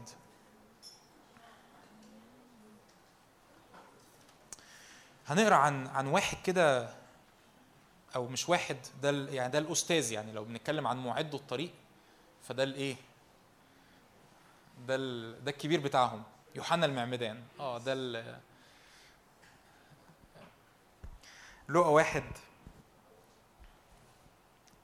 آه 13 يقول كده الملاك عن عن يوحنا المعمدان بيكلم زكريا بيكلم أبو يوحنا المعمدان قال له الملاك لا تخف. يا زكريا لأن طلبتك قد سمعت وامرأتك اليصابات ستلد لك ابنا وتسميه يوحنا. يكون لك فرح وابتهاج وكثيرون سيفرحون بولادته لأنه يكون عظيما أمام الرب وخمرا ومسكرا لا يشرب. من بطن أمه يمتلئ من الروح القدس. يرد كثيرين من بني إسرائيل إلى الرب إلههم. يتقدم أمامه بروح إلي وقوته. ليرد قلوب الآباء إلى الأبناء والعصاة إلى فكر الأبرار لكي يهيئ للرب شعبا مستعدا. بس عايز أشرح لك صورة. الصورة دي ليها علاقة بحالة شعب إسرائيل في الوقت ده. إيه حالة شعب إسرائيل في الوقت ده؟ شعب مهلهل شعب ضعيف شعب فقير جدا اللي كان باقي عايش في المنطقة اللي بتتسمى اليهودية والجليل اللي هو فلسطين في أيامنا. آه، آه، كان كان كان كان ال- ال- البقية الفقيرة اللي رجعت من بابل ورجعت من اليونان ورجعت من ال- الشعوب الكتير اللي كان حاصل فيها سبي شعب مفتقد كلمة ربنا لمدة 400 سنة. ما عندوش كلمة حية. ما يعرفش ربنا ناوي على إيه. كل اللي بيحاولوا يعملوه إن هم بيحاولوا يصلوا بيحاولوا يقدموا ذبايح في الهيكل بيحاولوا يقربوا من ربنا. بقى في أقسام سياسية وأقسام دينية مختلفة زي الفريسيين زي الصدوقيين. بيحاولوا يقولوا للناس يا جماعة تعالوا نتبع شريعة الرب تعالوا نتبع الناموس عشان يمكن ربنا يرضى علينا. شعب ما عندوش أمل شعب فقد الأمل. مش بس فقد الأمل لكن شعب عايش بالطول وبالعرض. ما فيش ما فيش آه، آه، حد بي- بيقول إيه الصح وإيه الغلط والخطية هي اللي غالبة على المشهد الضعف هو اللي غالب على المشهد حتى التدين الشديد ما, فرقش في حاجة هو فرق بس مجرد إنه زي ما الرب يسوع قال شكلكم حلو من بره لكن قبور من الداخل ملقانه عظاما. في وسط المشهد ده مشهد ما يختلفش كتير عن المشهد اللي إحنا عايشين فيه. خطية ضعف فساد تدين آه، في تدين بس تدين منظر من بره لكن من جوه عظام قبور ملقانة عظام. مفيش ناس حوالينا كتير فاقدة الأمل فاقدة الرجاء في بكرة. مش عارفه إيه إيه هو معنى الحياة. أنت لو سألت قعدت مع واحد من شعب إسرائيل إيه معنى الحياة؟ يقول لك مش عارفين. يعني كنا بنعبد إله اسمه يهوه ولسه بنعبده لحد النهارده بس إحنا شكل شكلها كده شكله كده نسينا. شكله كده مفيش أمل مفيش رجاء في بكرة. في وسط الضلمة دي الرب يرسل نور. واحد اسمه يوحنا. يوحنا ده يبتدي يتكلم عنه في شوية صفات. وفي وسط الضلمه اللي إحنا عايشين فيها الرب بي الرب بيقيم كثيرين. أنا مش بتكلم بقى النهارده عن واحد اسمه يوحنا المعمدان. بتكلم عن كثيرين مننا. الرب يقيمهم نور وسط الضلمه نور وسط الضلمه يعملوا إيه؟ يعلنوا كلمة الرب للناس اللي حواليهم. أنا صوت يوحنا يقول كده عن نفسه. أنا صوت صارخ في البراء أعدوا طريق الرب. اصنعوا سبوله مستقيمة. واحد بيطلع في وسط الضلمة هتقول لي يعني يعني القصة دي مرتبطة بإن الدنيا كويسة حواليا؟ لا الدنيا مش كويسة حواليا. الدنيا كل حاجة متستفة تمام أنا كل ظروفي تمام. لا مش يوحنا ما كانش كل ظروفه تمام. لكن القصة إن واحد بيختار إن أنا هتبع الرب للآخر لأن في قيمة لحياتي، في معنى لحياتي مرتبطة بامتداد ملكوت الله، والناس ال- الإجابة الحقيقية لألمها ولوجعها هو امتداد ملكوت الله. زي ما كنا بنرنم ملكوت الله بر وسلام وفرح في الروح القدس. ال- الحل الحقيقي للألم بتاع الخليقة للألم بتاع البشر اللي حوالينا هو بر وسلام وفرح ومحبة الله اللي بتلمس حياتهم وشفاء الله اللي بيلمس حياتهم وتحرير الله من القيود اللي بيلمس حياتهم. ده ده الحل الحقيقي اللي الخليقة مستنياه. طب هيحصل إزاي؟ هيحصل من مجموعة من شباب من جيل من أفراد بيختاروا إنه يا رب إحنا عكس الطبيعي بنعيش في مستوى غير طبيعي. أمين؟ عكس المستوى العادي عكس ال ال ال اللي الناس متوقعاه مننا عكس اللي أنا حتى شايفه في نفسي أنا بختار إني أقول لك أنا هو يا رب. طب إيه المميز فيا؟ مفيش حاجة مميزة. أنا بس مجرد بقول له ها أنا ذا يا رب أرسلني. أنا هو يا رب. أنا موافق. أنا موافق اني اكون واحد من دول. يعني ده دي دي الدعوة اللي الرب هيقدمها لنا في اخر في, في الوقت الصلاة اللي جاي. إن الرب يقول لك من أرسل ومن أذهب؟ تقول له ها أنا ذا يا رب. أنا أنا هو. طب إيه الإمكانيات اللي عندك؟ ما عنديش. طب هتعرف تعمل انت عارف تعمل إيه كويس؟ مش عارف مش عارف اعمل إيه خالص. بس أنا أنا أنا مستعد. أنا أنا ريدي أنا أنا لابس اللبس بتاعي أنا شايل سلاحي أنا مستعد ان الرب يطلقني ايا كان الوقت ايا كان الشكل ايا كان الإمكانيات. بس أنا عايز أبقى من دول. ليه؟ لأن غير كده هبقى زي الملح اللي بلا طعم. غير كده حياتي هتتسرق مني. غير كده السجادة بتتسحب كل يوم تحت رجلي. غير كده هبقى زي شمشون اللي بيتاخد على حجر دليلة. تمام؟ أول صفة من صفات يوحنا إنه نذير ومكرس. يعني إيه نذير ومكرس؟ هو مقرر إن نقط مش هطول فيها لأنه ما هياش حاجة يعني غريبة. هو مقرر إن حياتي هي ملك للرب فقط. طب إيه القصة يعني؟ هو بيقول له كده خمرا ومسكرا لا يشرب كل أيام حياته. إيه إيه القصة يعني؟ طب ما يشرب ما, ما, ما يشرب عادي خمر ومسكر وعادي يعني. والخمر والمسكر ما هياش بالنسبة للعهد القديم يعني حاجة غلط يعني عادي. ده المشروب الطبيعي اللي بيشربوه. آه لا ما هي القصة مش إنه حتى عايش عادي هو مش عايش عادي. انت ليه ما بتعملش اللي إحنا بنعمله؟ عادي حتى لو عادي مش هعمله. ليه؟ لأن أنا منفصل. انت ليه ما بتتكلمش نفس الكلام اللي إحنا بنتكلمه مع ليه ما بتقولش اللفظ ده؟ في في, في حتى على مستوى الألفاظ. ليه بتقوليش اللفظ ده؟ ما هو عادي ما كل الناس بقت بتقوله. آه هو عادي كل الناس بتقوله بس أنا ما بقولوش. ليه؟ عشان منفصل. عايز تقوله قوله بس أنا ما بقولوش. انت ليه ما بتخرجش معانا الخروجة دي؟ ده مكان يا عم مش عايز تيجي معانا المكان ده تعالى. مش عايز تشرب ما تشربش بس إحنا رايحين. وأنا ليه أصلا ادخله؟ أنا ليه أصلا أدخله؟ هو المكان ده يمجد الله؟ لا لا يمجد مش هروح. هم الناس اللي جايين اللي جوه دول يعني بيعبدوا الرب ولا بيعبدوا حاجات تانية؟ الكتاب بيقول كده. اللي بيعبدوا آلهة تانية م- ما بشتركش معاهم. ببساطة ليه؟ لأن لأن أنا الفتك، لا مش فتك. لأن أنا أحسن منهم، مش أحسن من حد يا عم، ما قلتلكش إن أنا أحسن من حد. بس أنا عايز أعيش مع الرب بطريقة مختلفة. أنا عايز أبقى نذير. أنا عايز اللي يتقال عليه عادي أنا بالنسبة لي ما يبقاش عادي. ليه؟ لأن أنا بعيش العادي بحسب قرار، هو أنت ليه مش مصاحب؟ أن أن أنت أنت أنت إزاي وصلتي أولى جامعة ومش مصاحبة هو لازم أصاحب يعني يعني بينزل مع كارنيه جامعة إني لازم أصاحب أنا هو ده بيحصل ولا ما بيحصلش هو لازم أنا أنا في أنا في ولاد بتيجي تقول لي أنا كل الناس اللي حواليا مصاحبين أعمل إيه؟ فأنا بحس إيه تعمل إيه يعني؟ كده مثلا كل الناس اللي حوالينا هيطلبوا فول فأنا محتار يعني أطلب فول ولا طعمية؟ أعمل إيه؟ إيه اللي تعمل؟ هو أنت يا حبيبي يعني طب مبدئيا يعني لا ده, ده الناس دلوقتي ما مش يعني مش بتكلم على واحد شاف بنت فحبها فعايز يرتبط بيه لا أنا بتكلم على مستوى يعني مستوى ده سيبك من كده بتكلم على مستوى تاني إن هو مجرد إن كل الناس بتصاحب فأنا حاسس إن أنا لازم أصاحب. ليه؟ ما أنت ممكن تدخل في علاقة النهارده توديك في داهية كمان خمس ست سنين. طب أنت ليه مش بتصاحب؟ هو هو منزل يعني؟ مش م... ليه؟ أنا م- نذير للرب. لما لما أشعر بقيادة من الروح القدس إن ده الوقت المظبوط إني أرتبط فيه أكيد الرب هيرتب لي شخص مناسب وأنا هكون مناسب للارتباط وهنرتبط. إيه ده هو في شباب في سننا بيعملوا كده؟ آه في. في.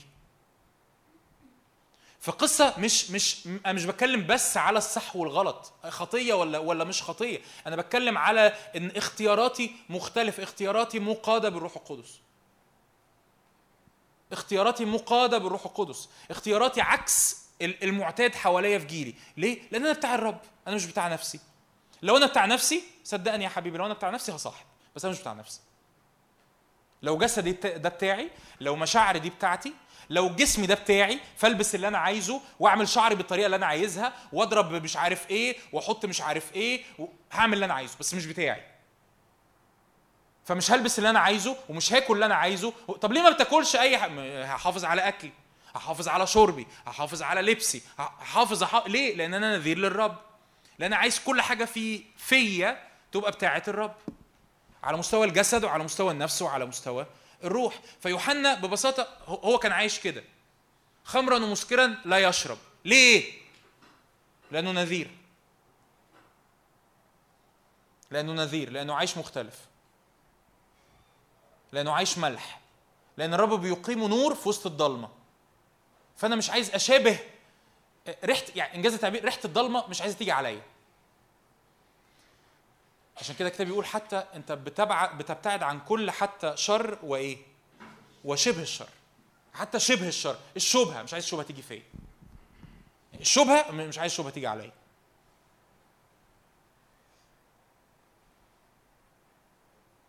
ليه؟ لأن أنا أنا لا أمثل نفسي. أنا مش عايش عشان نفسي. أنا عايش عشان أبقى نور في وسط الجيل. ومش عايز النور ده يجي عليه ستارة شفافة حتى. أنا عايز النور يبقى كلير النور يبقى واضح النور يبقى فج زي ما هو. فيوحنا كان عايش نذير. نذير ده يقول لك كده افتح معايا عدد 80 لقى واحد 80 لقى واحد 80 أما الصبي ده كل ده في أول نقطة نذير ومكرس. أما الصبي فكان ينمو ويتقوى بالروح وكان في البراري إلى يوم ظهوره لإسرائيل. إيه قصة البراري دي؟ قصة البراري دي يعني يعني هو آه، كان بيعدي بأزمنة التشكيل. الشخص اللي بي اللي مستعد إنه يتبع الرب عشان يعد الطريق لناس تانيين يمشوا وراه علشان يوصلوا للرب علشان يعرفوا الرب لازم يستعد إنه هيعبر في أزمنة تشكيل لازم يستعد إنه يعبر في براري مش برية واحدة. براري يعني جمع برية. والبرية مش شرط تكون صحراء مش شرط تكون مية أرض ما فيهاش مية ممكن تكون البرية دي إنك قاعد لوحدك. ممكن تكون البرية دي أوقات أنت بتقضيها قدام الرب. ممكن تكون البرية دي هي أوقات أنت بتعدي فيها في حاجة ما هياش ألذ حاجة بس أنت بتختار إنك تمشي ورا الرب الآخر ممكن يكون البرية بتاعتك ان إن قلبك بيتشكل ورب بيعد قلبك وبيظبط قلبك وبيظبط بيظبط دوافعك بس بالنسبة لك دي بتبقى البرية. إن الرب بيصنع فيك تشكيل. والبرية خلي بالك يقول لك كده الصبي كان ينمو ويتقوى بالروح. البرية مش مكان الضعف البرية مكان القوة. البرية مش مكان الضعف بالعكس البرية بتطلق القوة. البرية بتطلع عضلاتك الحقيقية. الوقت اللي انت فيه بتختار انه يا رب أنا خاضع للتشكيل. أنا خاضع اني اتعلم. أنا خاضع اني اتغير. أنا خاضع ان في امور في حياتي مش مستقيمة. أنا هقطع كل حاجة مش مستقيمة. مؤلمة؟ أكيد مؤلمة. برية؟ أكيد برية. لكن أنا انمو وأط... ده, ده مكان نموي وقوتي. أنا في علاقة وفي شخص مؤذي في العلاقة دي. أنا هقطع العلاقة دي. أنا ما بحب ولد بس الولد ده شكله كده بيلعب بيا. هقطع ال- الولد ده من حياتي. ولا أنا مع بنت البنت دي شكلها موداني في سكة بعيد خالص عن الرب. هقطع العلاقة دي. مؤلمة؟ مؤلمة. بس دي إيه؟ برية. فكر نفسك إن هذه البرية هي لاجل نموي وقوتي. أنا مع مجموعة صحاب. مجموعة الصحاب دول كل ما بقعد معاهم بيجيبوني ورا. كل ما بقعد معاهم بيجيبوا في سيرة الناس. كل ما بقعد معاهم ما بيقعدوش إلا لما بيولعوا السيجارة. ما بيقعدوش إلا لما بيجيبوا الكاسين. ما بيقعدوش إلا لما يلعبوا مش عارف إيه. ما بيقعدوش إلا لما يتكلموا على إيه. طب أعمل إيه؟ صحابي ده حتى دول مؤمنين. أوكي. هتختار إنك تقطع العلاقة دي. هتبقى برية. آه برية. هتقعد وقت. ما عندكش اصحاب آه. بس البرية دي أنت فيها بتعمل إيه؟ بتنمو وإيه؟ وتتقوى. انت بتكبر انت بتتشكل انت بتختار اختيارات مش المعتادة لأن أنا اخترت إن أنا نذير فالنذير بيخضع لرحلة تشكيل. النذير بيخضع لرحلة إيه؟ تشكيل. الرب بي- بيمد إيده في صوابعه بيحط إيده في حياته. يوحنا المعمدان تعرض لرحلة تشكيل. الرب يسوع عدى في البرية 40 يوم. يقول لك كده ده كان ينمو ويتقوى في البراري إلى يوم ظهوره لإسرائيل. يعني قعد كتير سنين كتير مختبئ. محدش عارف هو ليه بيعمل كده. يعني ما ما ما ما, ما قطعش العلاقة وتاني يوم مسك المايك كان بيوعظ. فاهمين أقصد إيه؟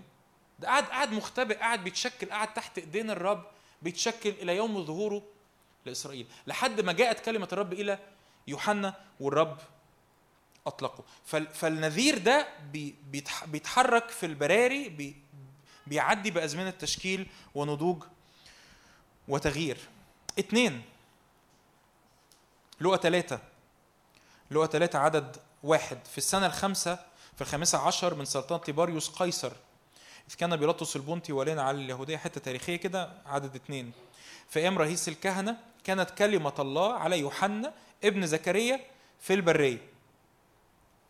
فجاء إلى جميع القرى المحيطة بالأردن يكرز بمعمودية التوبة لمغفرة الخطايا. كما هو مكتوب في سفر أقوال أشعياء النبي صوت صارخ في البرية أعدوا طريق الرب اصنعوا سبله مستقيمة. إيه تاني حاجة؟ تاني حاجة يقول لك كده إحنا قرينا في لقا واحد 17 إنه يمتلئ يتقدم إمام بروح اليه وقوته ويقول لك ان كانت اليه كلمة الرب. ده شخص ممتلئ بالروح القدس يحمل كلمة الرب. على بعض كده. يعني دي نقطة على بعض مش هفصصها لك. شخص ممتلئ بالروح القدس يحمل كلمة الرب. ده عنده علاقة عميقة مع شخص عايز أقولها لك أقول لك تعبير اتكلمنا عنه يمكن من من سنة تقريبا. شخص يسميه كده الكتاب ده الإنسان الروحي. ده الإنسان الروحي. ده الإنسان اللي يحيا خاضعا للروح القدس. ليه؟ لأنه هو في علاقة مع الروح القدس. فهو مستمع للروح القدس. فهو مش عايز يحزن الروح القدس. أنتوا عارفين الروح القدس بيحزن عارفين؟ طب عارفين الروح القدس بيطفي تقول أنا كنت في اجتماع و... و... أو كنت باخد خلوتي والدنيا حلوة والدنيا نارية والدنيا ماشية وربنا بيكلمني ومش عارف إيه. بعديها بأسبوعين اتطفيت حد سمع الجملة دي قبل كده؟ اتطفيت ما بقتش نفسي إن أنا أقعد مع ربنا زي الأول. ما. ما بقاش ليا نفسي أخد خلوتي. عايز أقول لك حاجة إن طبعا في حاجات يعني في أسباب كتير. ممكن تبقى حرب من إبليس ممكن يبقى مجرد مشاعرك هديت. بس عايز أقول لك إنه إنه سبب من الأسباب القوية إنك طفيت الروح القدس. سبب من الأسباب القوية إنك عملت إيه؟ طفيت الروح يعني إيه أطفي الروح القدس؟ يعني إيه أطفي الروح القدس؟ يعني الروح القدس كان عامل زي شعلة مولعة جوايا. الشعلة دي بتقودني إني أعمل حاجات بتقودني إني أمشي ورا ربنا. بتقودني إني أحب الرب بتقودني إني آخد خلوتي. بس أنا جيت رحت دلقت مية باردة على الشعلة دي. ممكن تكون إيه المية الباردة اللي دلقتها؟ أي حاجة. إيه عدم طاعة. جرحت حد من إخواتي والرب قال لي روح اعتذر له وأنا مصمم إني مش هعتذر. حد أخطأ ليا والرب بيقول لي اغفر له وأنا مصمم إني مش هغفر. ألاقي بعد شوية المحبة دي بردت. ده ده اوبشن موجود. وكلنا بنختبره. بسبب حاجة اسمها إيه؟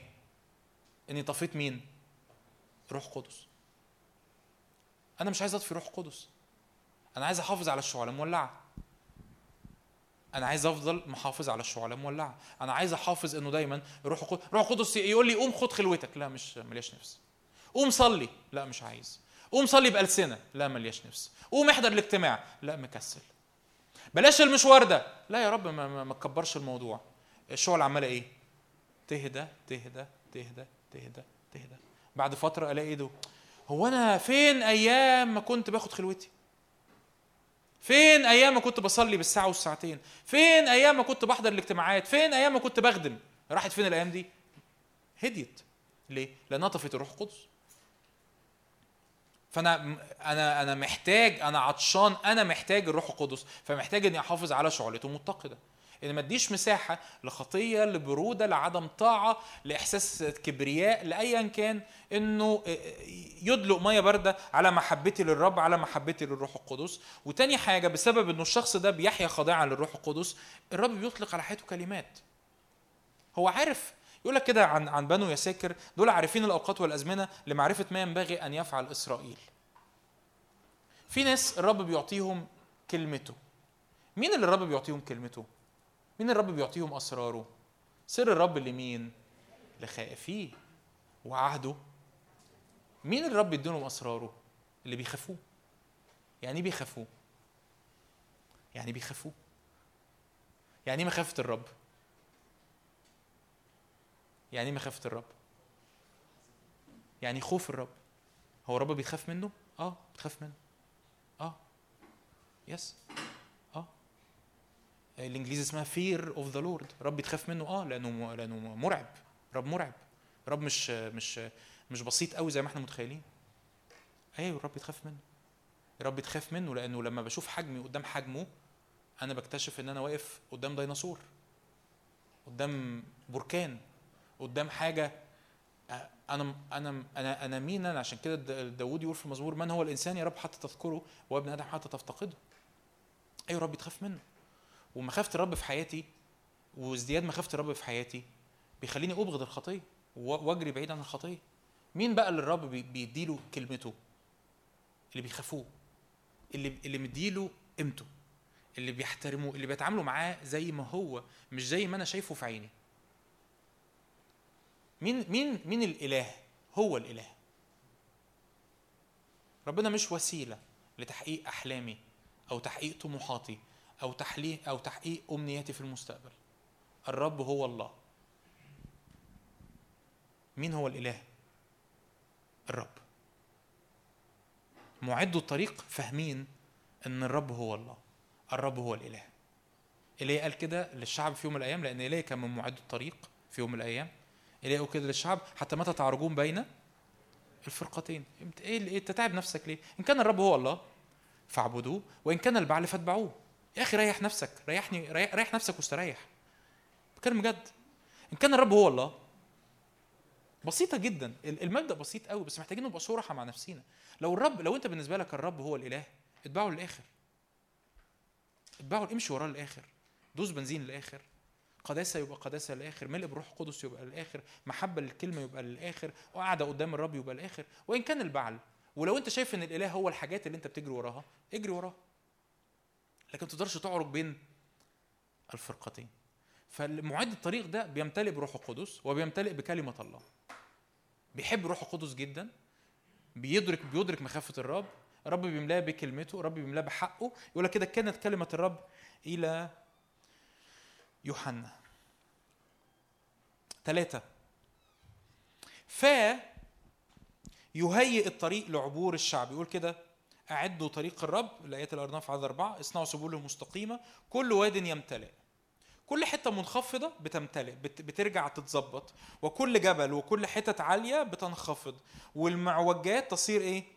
مستقيمة والشعاب الطرق اللي مليانة غابات مليانة أشجار متداخلة والشعاب ما تقدرش تمشي فيها تصير طرقا سهلة ويبصر كل بشر خلاص الله. آه ده ده نط معايا الايه كده زكريا.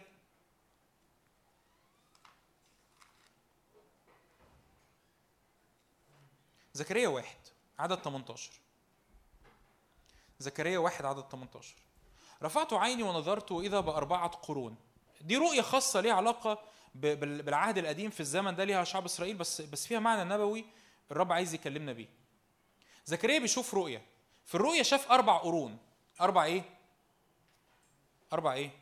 قرون. قرن في الكتاب المقدس رمز القوة سواء قوة الأعداء أو قوة الرب. فهو شاف أربع قرون. فقلت للملاك الذي كلمني ما هذه؟ إيه الأربع قرون دي؟ فقال هذه هي القرون التي بددت يهوذا وإسرائيل وأورشليم. دي القرون اللي أضعفت شعب الرب. دي القرون اللي عملت مقاومة على شعب الرب. دي القرون اللي بتبهدل الجيل بتاعك. يعني بلغة زكريا إنجاز التعبير أو بلغة النهارده دي القرون اللي بتبهدل الجيل بتاعك. دي القرون اللي بتبدد الجيل بتاعك. دي القرون اللي عمالة تقضي على الجيل بتاعك. ايا كانت القرون دي إيه؟ حط أنت بقى لستة. أنا الرب كلمني بلستة. أنت يا رب يكلمك بلستة زي ما أنت عايز. يا رب إيه المشاكل اللي عندنا في الجيل؟ آه، نجاسة إدمان علاقات آه، قلوب مجروحة آه، غياب للمحبة غياب للعائلات المظبوطة السليمه غياب للتلمذة غياب للق... اعمل اللي أنت اعمل اللسته اللي أنت عايزها. ورب يقول لك دول الإيه؟ القرون التي إيه؟ بددت يهوذا وإسرائيل وأورشليم. فأراني الرب أربعة صناع. يعني إيه صناع؟ يعني كرافتسمن حرفيين. الرب ورا- وراني أربع حرفيين. بيعملوا إيه؟ قلت جه هؤلاء ماذا يفعلون؟ بيعملوا إيه دول؟ تكلم قائلا هذه القرون.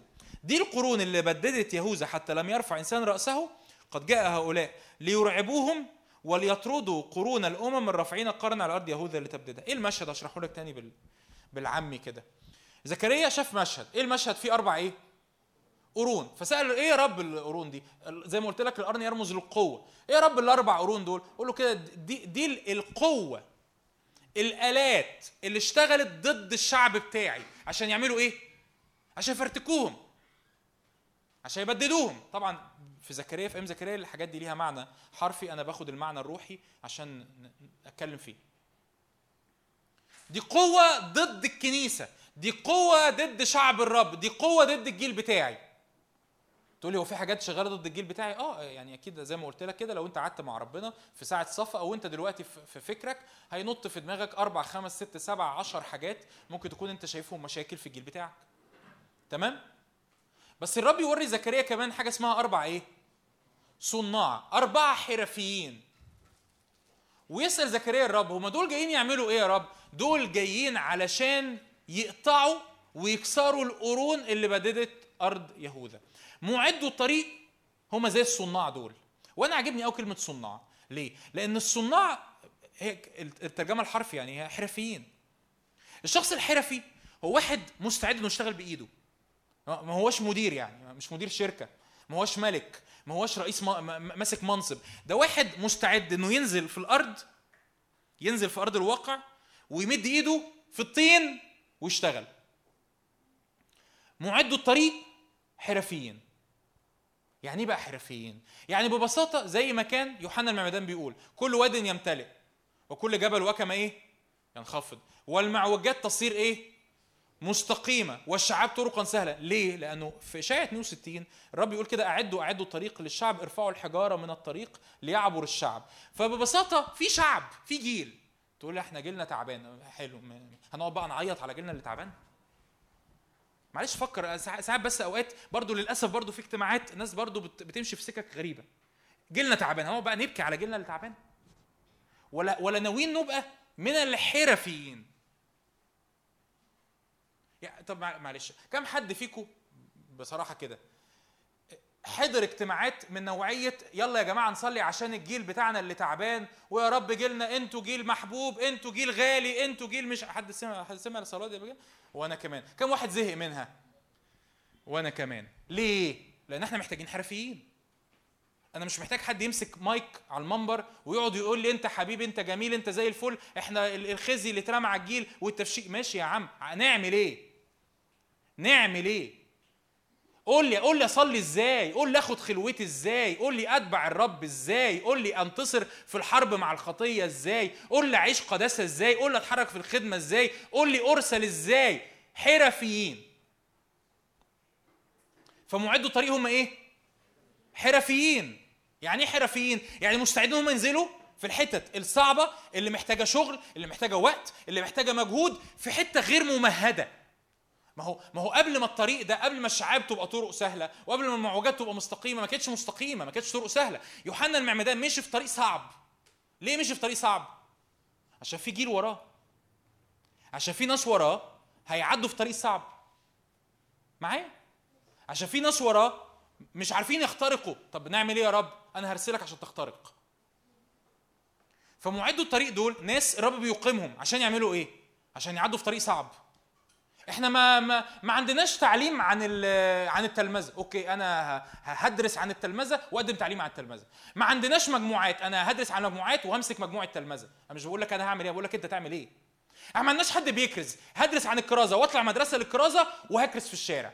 إحنا ما عندناش حد بيتعامل مع المدمنين. هروح أدرس حاجة ليها علاقة بالإدمان وأتعرف على مدمنين وأشوف بنخدمهم إزاي وهخدم مدمنين. ليه؟ لأن أنا من معد الطريق مش مستني حد يعمل لي حاجة. أنا مش مستني حد يجي يطبطب عليا أنا مش مستني حد يعد لي الطريق. أنا يا رب اخترت في يوم من الأيام إن أنا هكون من معد الطريق. طب أنا مج... أنا ممكن أبقى مجروح زي أخويا ده اللي مجروح. آه أنا مجروح وهو مجروح هنعمل إيه؟ هنقعد نعيط؟ ولا جه الوقت إن الرب يرسلني لأصنع تغيير؟ ولا جه الوقت إن الرب يرسلني عشان أخرج بره دايرة راحة؟ ولا جه الوقت ان الرب ير... ما إحنا لو قعدنا نبكي للسنة الجاية مفيش حاجة تحصل. فمعدوا الطريق عند حرفيين الكلمة دي احفظها. حرفيين ليه؟ لأن أنت لما أنت مش رايح لواحد مهندس ديكور قاعد في المكتب في التكييف. أنت رايح لواحد إيه؟ ليه؟ آه صنايعي. حرفي يقول لك دي يا باشا نعملها كذا ونعملها كذا ونعملها كذا ويمسك المنشار بإيده ويمسك الشاكوش بإيده ويمسك المسمار بإيده وممكن يتعور في السكة وممكن ما يبقاش عارف يعملها بس يقول لك يا باشا هنعملها ما تقلقش. ويفضل معاك يفضل معاك يفضل معاك لحد ما الحاجة تتعمل. دول معدوا الطريق. إن في قرون بتبددني والقرون دي بتبدد جيلي. وخلي بالك كل واحد فينا شايف حاجات اللي جنبه هتلاقيه شايف حاجات تانية. ده العجيب ده العجيب في ال في ال في الكنيسة وده العجيب في جسد الرب وده العجيب في المواهب المتنوعة اللي الرب بيسكبها. إن كل واحد فينا ممكن يبقى شايف لا لا أهم حاجة الكرازه واحد أهم حاجة التعليم أهم حاجة المشورة أهم حاجة خلاص النفوس. كل كل دول أهم حاجة. طب أعمل إيه؟ مستعد ان تقول له ها أنا ذا يا رب أرسلني؟ ها أنا ذا يا رب أرسلني؟ أنا عايز أبقى من دول. أنا زهقت من ال... من الاحساس إنه زي ما قلت لك أول اجتماع كده في commissioning في تكليف. الرب عايز يطلق تكليفات. الرب عايز يحط على على كتفك تكليف ومهمة وإمكانية وإدراك إنه يا رب أنا وراك حتى لو أنت لسه مش مميز هتعمل إيه بالظبط. بس أنت تقول أنا مستعد. أنا مستعد. ال ال ال عارفين الحياة المسيحية اللي هي اللزوزه دي؟ أوه! مملة. مملة. مسيحي لزوز كده بتاع اجتماعات. أوه! ملزق. يسوع ارحمنا. ملزق. حاجة حاجة صعبة. حاجة صعبة. ولا تلاقي ليه طعم ولا ليه ريحة ولا ليه قوة ولا ليه تأثير ولا ليه قداسة ولا ليه تبع تبعية وتسأله في الكلمة ولا يعرف يقول يقول لك أيتين على بعض ولا ولا بيدرس الكلمة ولا ماشي سكك قداسة ولا بيخدم حياة حد ولا ماشي سكك وراء الرب وكل كل قصة مشاكلي وظروفي مشاكلي وظروفي. حاجة صعبة. يا أخي ما زهقتش؟ يا رب نزهق. ما زهقتيش؟ دي دعوة للخروج من المسيحية الملزقة. من المسيحية اللي بلا النار لأن النار بتحرق التلزيق. النار بتحرق التلزيق. دي دعوة للخروج من ال ال ال ال العش اللذيذ اللي أنا عملته لنفسي وعملت ربنا وقعدته معايا في العش. إيه ربنا؟ مين هو ربنا بالنسبة لي؟ ربنا اللي بيجي يأكلني ويشربني ويطبطب عليا ويدلعني ويهشتكني ولو قال لي لا لا لا قداسة بقى وتبعية. ليه يا رب بس هو انت ما بقتش تحبني ولا إيه؟ حبيبي بيح- بيحبك وبيموت فيك. صدقني بيحبك وبيموت فيك. بيحبك جدا جدا وبيموت فيك بس هو بيحبك جدا جدا جدا لدرجة إن هو بيقول لك حياتك أغلى من القعدة جوه العيش. حياتك أقيم من القعدة في الحتة الملزقة اللي أنت قاعد فيها. وجه الوقت إنك تنتفض من ده. جه الوقت إنك تنتفض من ده. أمين؟ أمين؟ ضعيفة قوي الأمين دي. أمين؟ جه الوقت حقيقي إنك تنتفض من ده. جه الوقت حقيقي إنك تنتفض من الحالة ال- الراكدة وهو أصل كل الناس اللي ح... أنت مش مدعو تكون زي الناس اللي حواليك. حتى المؤمنين. انت مش مدعو تكون شبه حد مش مدعو تكون منحصر مش مدعو تكون ضعيف مش مدعو تكون يقول لك كده أمنون قاعد حزين. إيه يا حبيبي مالك يا أمنون؟ قاعد ليه؟ آه سمار أختي ما بتحبنيش أنا عايز أتجوزها. يروح كده فيلف عليه الشيطان يلف عليه واحد من من صحابه ابن عمه يقول له لماذا أنت ضعيف؟ هكذا يا ابن الملك من يوم إلى يوم. أصل أنا في بنت وما بتحبنيش وما بتعمليش وما بتسوليش وفي ولد عمل لي وفي ولد سوالي وفي أنا مش بحتقر الألم بتاعك. لكن لازم تعرف أنا أنا بقول ده لأني بحبك حقيقي أمام الرب. لأني مستغلي حياتك أمام الرب أنا الرب يشهد على اللي أنا بقوله. لأني مستغلي حياتك لأن حياتك أغلى من كده. حياتك أغلى من كده. هتشتغل وهتتجوز وهتخلف وهتجيب عيال وبعدين هتقعد تعمل إيه؟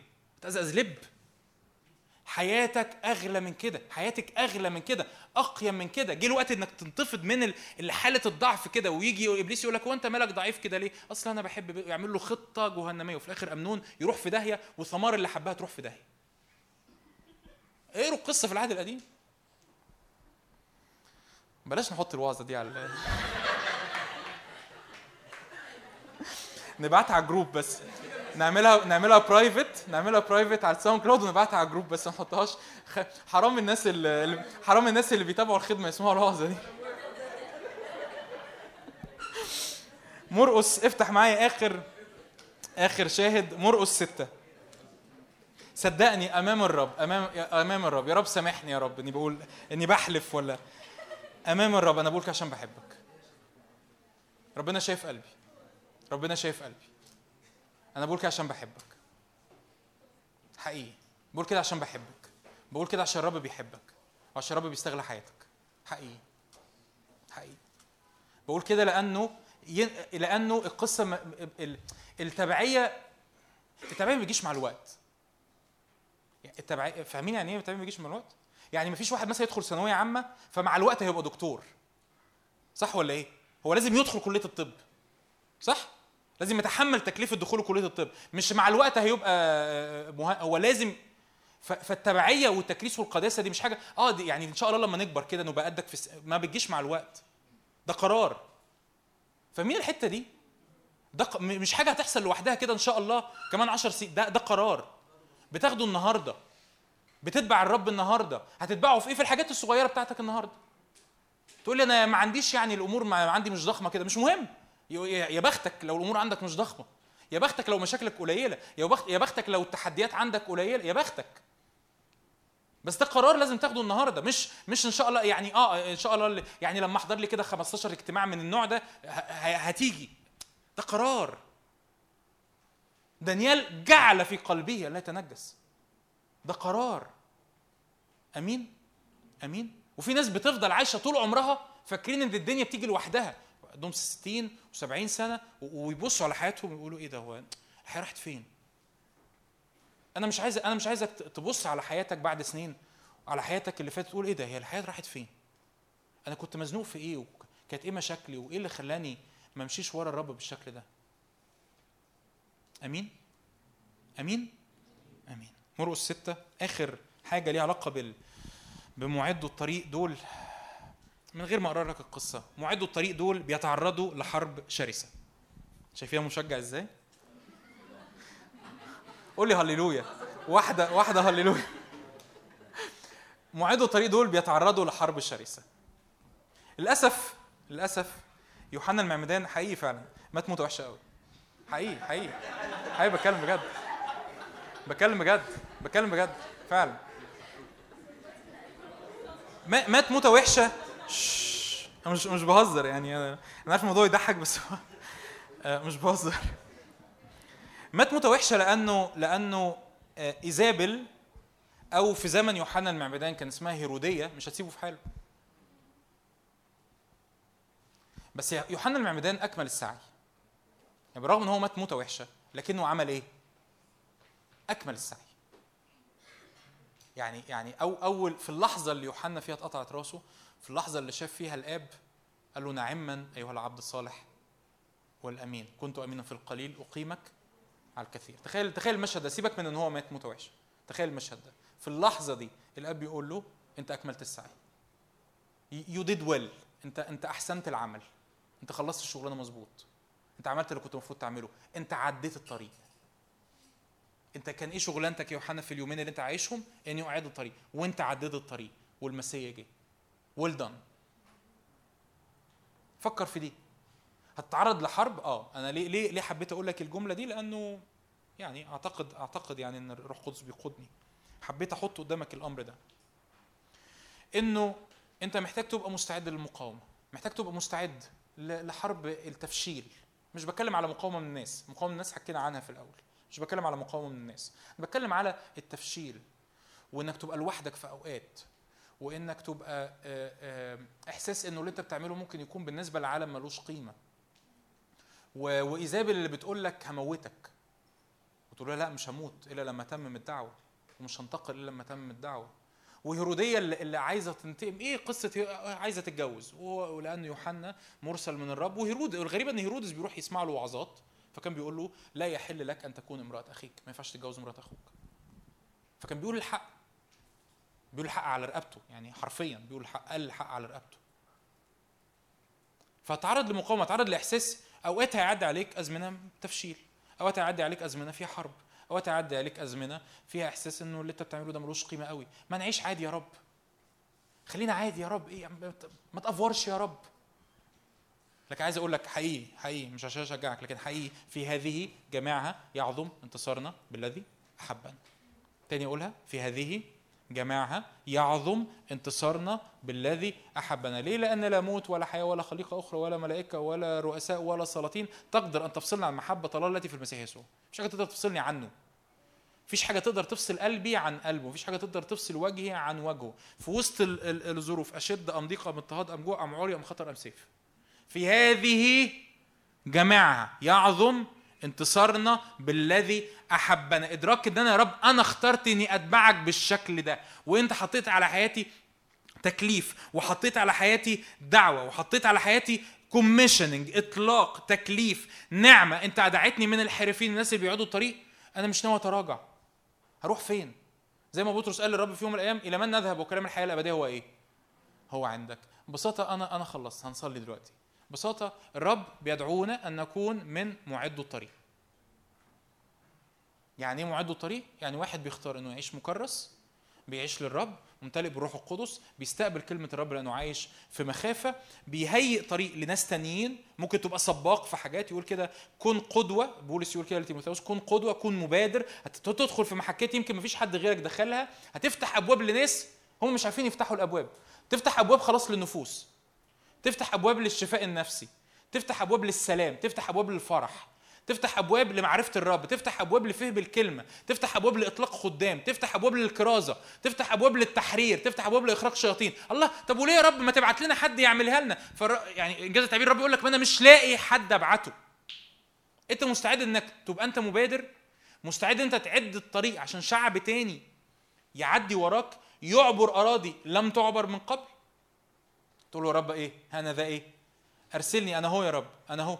حتى لو تعرضت للمقاومة حتى لو تعرضت للتفشيل حتى لو تعرضت لايا كان اللي اتعرض بيه بس أنا مش ناوي أكمل في نفس ال status في نفس الحالة في نفس الضعف في نفس الانحصار. آمين؟ آمين؟ تعالوا نقف مع بعض نصلي. نتجاوب مع دعوة الرب في وقت الصلاة اللي جاي. ببساطة نتجاوب مع دعوة الرب. نتجاوب مع دعوة الرب. بس ده ده اللي أنا بطلبه منك. ده اللي الرب بيقوله لك. ممكن يبقى جواك أسئلة مش متجاوب عنها. ممكن يبقى جواك أحلام مش عارفة تحصل إزاي. أكيد وأنا بتكلم النهارده في ناس بالفعل جواها إن هي تتبع الرب بشكل مختلف وجواها تبعية للرب بشكل مختلف. ويمكن جواك أحلام بس عمرك عمرك ما فكرت إزاي تتعمل. قول يا رب أنا عايز أكون من الحرفيين.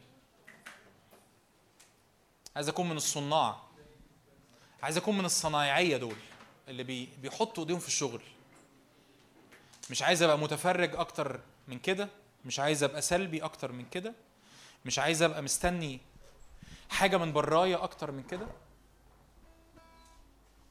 لأن الرب بيحبك جدا جدا هو بيدعوك هذه الدعوة. لأن الرب بيحبك جدا جدا بيدعوك هذه الدعوة.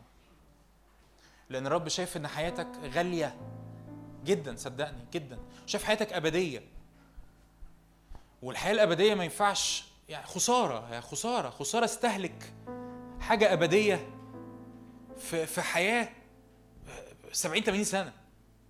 أنا عايز أستهلك الحاجة الأبدية في حاجة أبدية الحياة الأبدية في في حاجة أبدية ليها قيمة أبدية. فاحس إن أنا استثمرت اللي الرب اداهولي صح. استثمرت أيامي صح.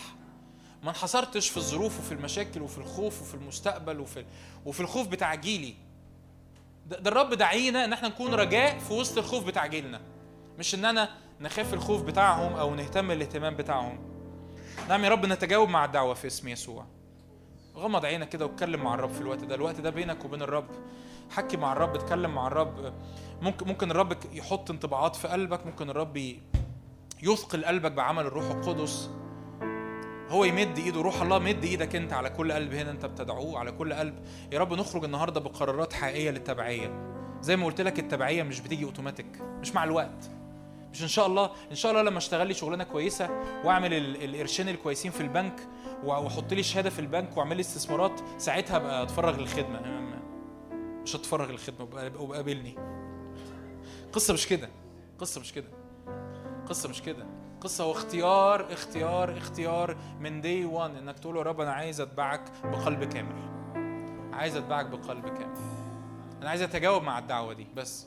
ممكن تكون مش عارفة تعمل إيه ممكن تكون مش عارف أنت حرفي في إيه ولا ولا هتبقى من الصناع اللي هيعملوا إيه بالظبط. بس ببساطة يا رب أنا بتجاوب مع هذه الدعوة أنا بتجاوب يا رب مع هذا النداء. يا رب إني أكون من معد الطريق في جيلي في اسم الرب يسوع اللي بيفتحوا أبواب لآخرين. اللي بيفتحوا أبواب لآخرين اللي بيعدوا طرق صعبة ما تمشاش فيها قبل كده لكن بيفتحوا أبواب لآخرين. وبيمشوا سكك محدش يمكن مشيها قبل كده. لكن ها أنا ذا يا رب أرسلني. ها أنا ذا يا رب أرسلني. يقول كده بولس لاغرباس للوقت أيها الملك اغرباس لم أكن معاندا للرؤية السماوية. يا رب لا أكون أن لا أريد أن أكون معاند. لو الرب كلم قلبك النهارده قول يا رب أنا مش عايز أكون معاند. مش عايز أكون معاند. أنا متأكد إن روح القدس كلم ناس كتير وسطينا.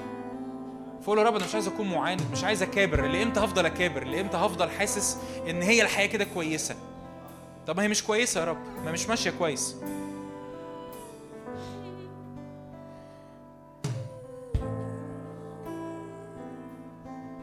روح الله اتحرك كده المس المس قلوبنا. المس أفكارنا المس اختياراتنا في اسم الرب يسوع. قدس اختياراتنا قدس حياتنا.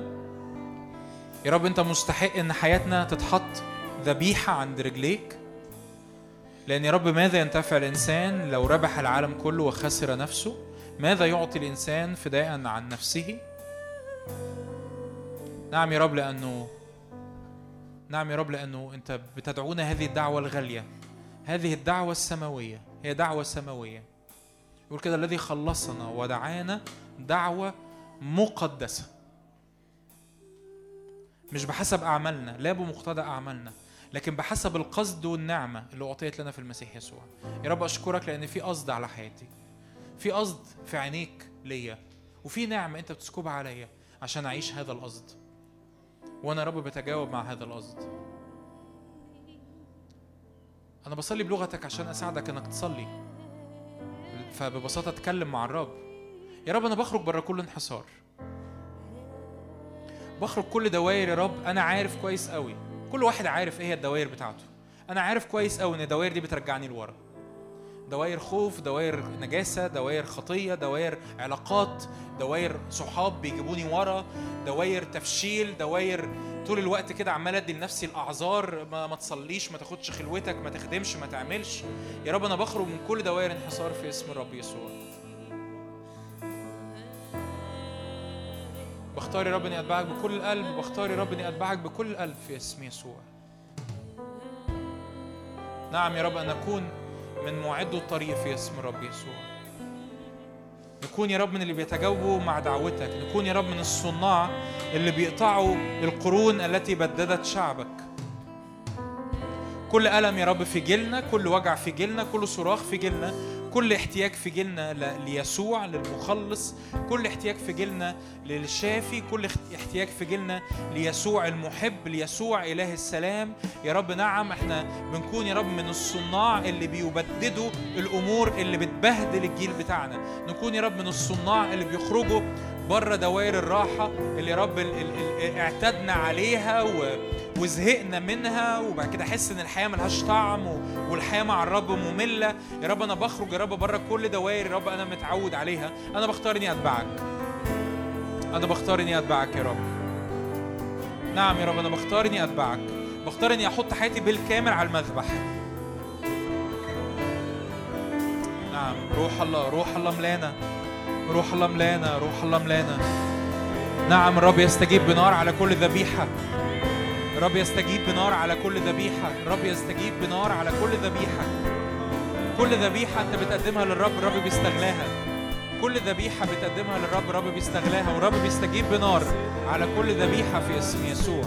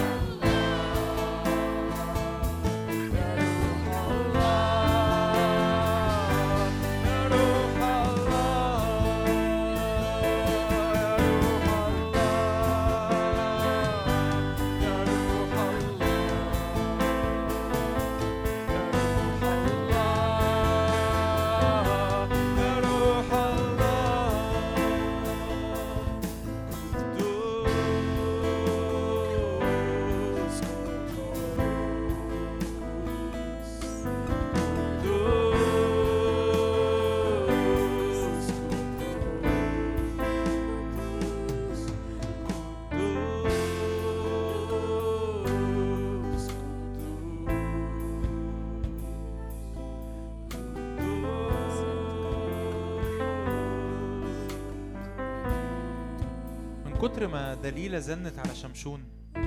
يقول كده ألحت عليه ضاقت نفسه إلى الموت. بس- بسبب الزن بتاع الخطية بسبب الزن بتاع حاجات بتضعفني بسبب الزن بتاع حاجات أنا بسيبها في حياتي. يقول كده فكشف لها كل قلبه. وقال لها لم يعلو موسى رأسي. أنا ما حلقتش قبل كده شعري. لأني نذير الله من بطن أمي. إن حلقت تفارقني قوتي وأضعف وأصير كأحد الناس. لكن أنا لو اتحلقت ش... لو لو راسي اتحلقت لو شعري اتحلق هبقى زي باقي الناس. إحنا مش عايزين نبقى زي باقي الناس. قول يا رب أنا مش عايز أفقد نذوريتي مش عايز أفقد تكريسي مش عايز شعري يتحلق مش عايز يا رب حياتي يا رب المكرسة تتاخد مني مش عايز أكون كأحد الناس.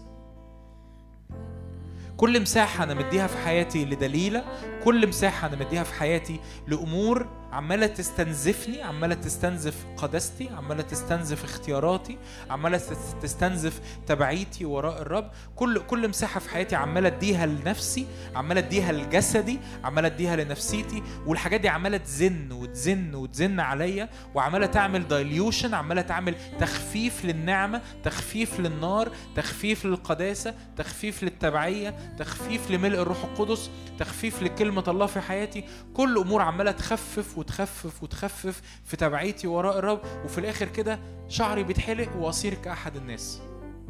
يا رب أنا بختار يا رب اختيارات حقيقية. شعري يا رب مش هيتحلق لكن الأمور دي هي اللي تتقطع من حياتي. الأمور دي هي اللي تتقطع من حياتي. شجعك في الوقت ده والمزيكا بتعزف كده خد قرارات. خد قرارات قدام الرب. مش عايز الاجتماع يخلص وتطلع من الاجتماع وبعدين تفتكر إيه ده هي الوعظه كانت بتتكلم عن إيه وتقعد تفكر. خد قرارات دلوقتي قدام الرب. وأنت في محضر الرب لوحدك. ابتدي خد قرارات قدام الرب. ممكن يبقى قرار من القرارات اللي تاخده خلوتي يا رب هرجع هترجع تنتظم تاني. قعدتي قدامك لازم تبقى وقتها كذا. يا رب شلة معينة بتبعدني عنك الشلة دي محتاج آخد خطوات جادة معاهم. علاقة معينة أنا فيها العلاقة دي محتاج والعلاقة دي ما هياش مكملة مودياني في أي حتة كويسة العلاقة دي محتاج أقطعها. حاجة معينة بتستنزف وقتي ممكن تبقى الحاجة اللي بتستنزف وقتك جيم على الموبايل. ببجي مش لازم تبقى حاجة ضخمة مش لازم تبقى خطية ضخمة. بس عمالة تستنزف وقتك وفي الآخر بتقول أنا ما عنديش وقت أقعد مع ربنا. يا رب كل حاجة بتستنزف وقتي أنا بقطعها. أنا بقطعها. أنا بشيلها من حياتي. بختار يا رب إني أتبعك بطريقة مختلفة. بختار يا رب إني أمشي وراك بطريقة مختلفة. مش عايز يا رب شعري يتحلق. مش عايز أصير كأحد الناس.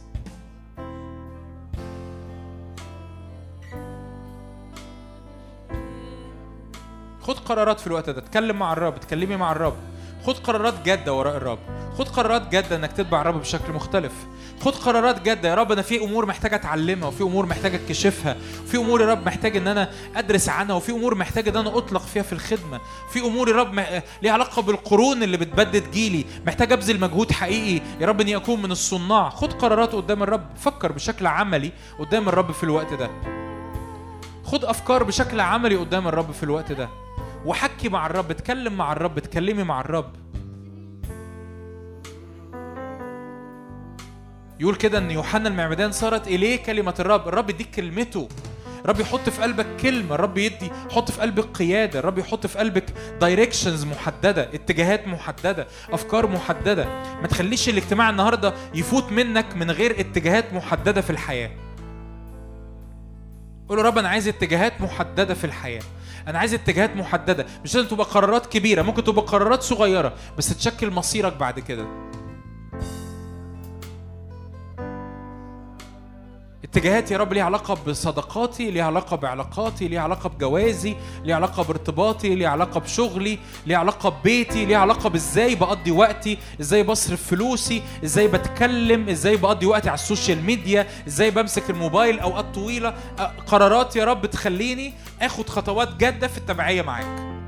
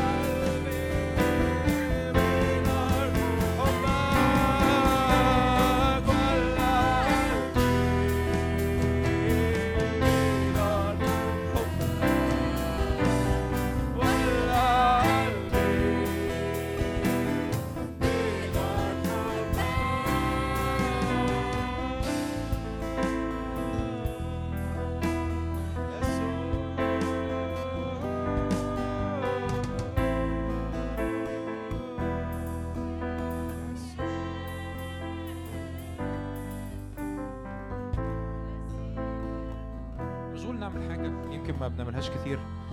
لو لو حد قاعد جنبك ده صاحبك أو صاحبتك وأنت مستريح إنك ممكن تصلي معاه خلونا نصلي مع بعض اتنينات وتلاتات.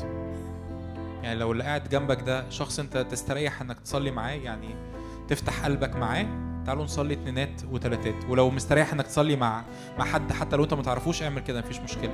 بس جوايا إن إحنا كأنه بنتحد مع بعض إنه نقول له يا رب إحنا عايزين نتبعك. كأنك بت بتشهد حد على على القرار. كأنك بت بت بتصلي مع حد بتصلي مع أخوك بتصلي مع أختك وبتحطه شاهد ما بينك وما بين الرب إنه يا رب أنا عايز أتبعك. وبختار يا رب وبقول لك كده يا رب قدام أخويا أو قدام أختي إن أنا عايز أتبعك. تعالوا نصلي مع بعض. تعالوا نصلي مع بعض. لو لو مش مش حابب إنك تصلي الصلوة دي مع حد مفيش أي أي مشكلة. كمل صلاة اتكلم مع الرب. الرب موجود. ببساطة. نختار يا رب إن إحنا كجيل نتبعك بكل قلب. نختار يا رب إن نكون يا رب من معد الطريق. بنختار يا رب إنه ناخد اختيارات. شكلها بالنسبة للطبيعي مش عادي. شكلها بالنسبة للطبيعي مش أسهل حاجة. شكلها بالنسبة للطبيعي مختلف. لكن بنختار يا رب إن إحنا نتجاوب مع دعوتك لحياتنا. حتى لو مجرد في الصلوة دي مع أخوك مع أختك بتقول يا رب ها أنا ذا أرسلني أنا بتجاوب. حتى لو هي دي الصلوة مفيش مشكلة. مش لازم يبقى كلام كتير مش لازم يبقى كلام طويل. مجرد إنك بتعلن كده مع أخوك بتعلني كده مع أختك يا رب أنا بتجاوب مع هذه الدعوة. ارسلني يا رب ارسلني يا رب ارسلني. مش عايز أعيش منحصر مش عايز أعيش في دايرة معينة مش عايز أعيش في دايرة ضيقة مش عايز أعيش في. في الشكل الحياة اللي أنا بنيته لنفسي. أنا عايز أعيش حقيقي مختلف. حقيقي من الناذرين حقيقي من المقدسين حقيقي من الممتلئين بالروح القدس من اللي مليانين بكلمة الله من اللي مليانين بالحق.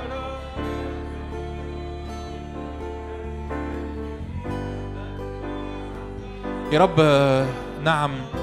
انشر انشر انشر معد الطريق في كل أرض في جيلنا في اسم يسوع في كل دوائر في جيلنا في اسم يسوع.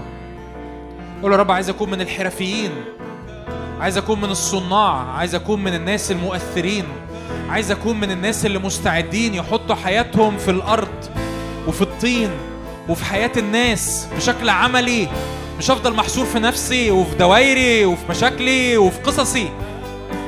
أكون من الحرفيين أكون من الصناع أكون يا رب من اللي بيبذلوا مجهود أكون يا رب من اللي بيمدوا إيديهم في حياة الناس.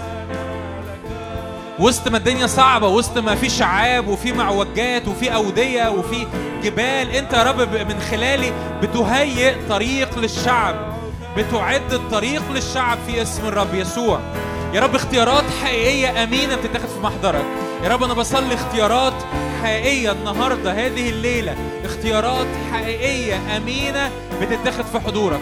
اختيارات أمينة حقيقية بتتاخد في حضورك. يا رب لتبعية ولا الرجوع للوراء فيما بعد. لتبعية حقيقية ولا الرجوع للوراء فيما بعد. لتبعية حقيقية ولا الرجوع للوراء فيما بعد. أقوى من نفسي أقوى من ضعفي أقوى من مشاعري أقوى من خطيتي أقوى من أي حاجة بترجعني لورا أقوى من انحساراتي أقوى من مشاكلي أقوى من ظروفي. أنا بختار أكون من دول. من البريد ده من ال من ال ال ال النوعية دي آه، معدوا الطريق في اسم يسوع. في اسم يسوع.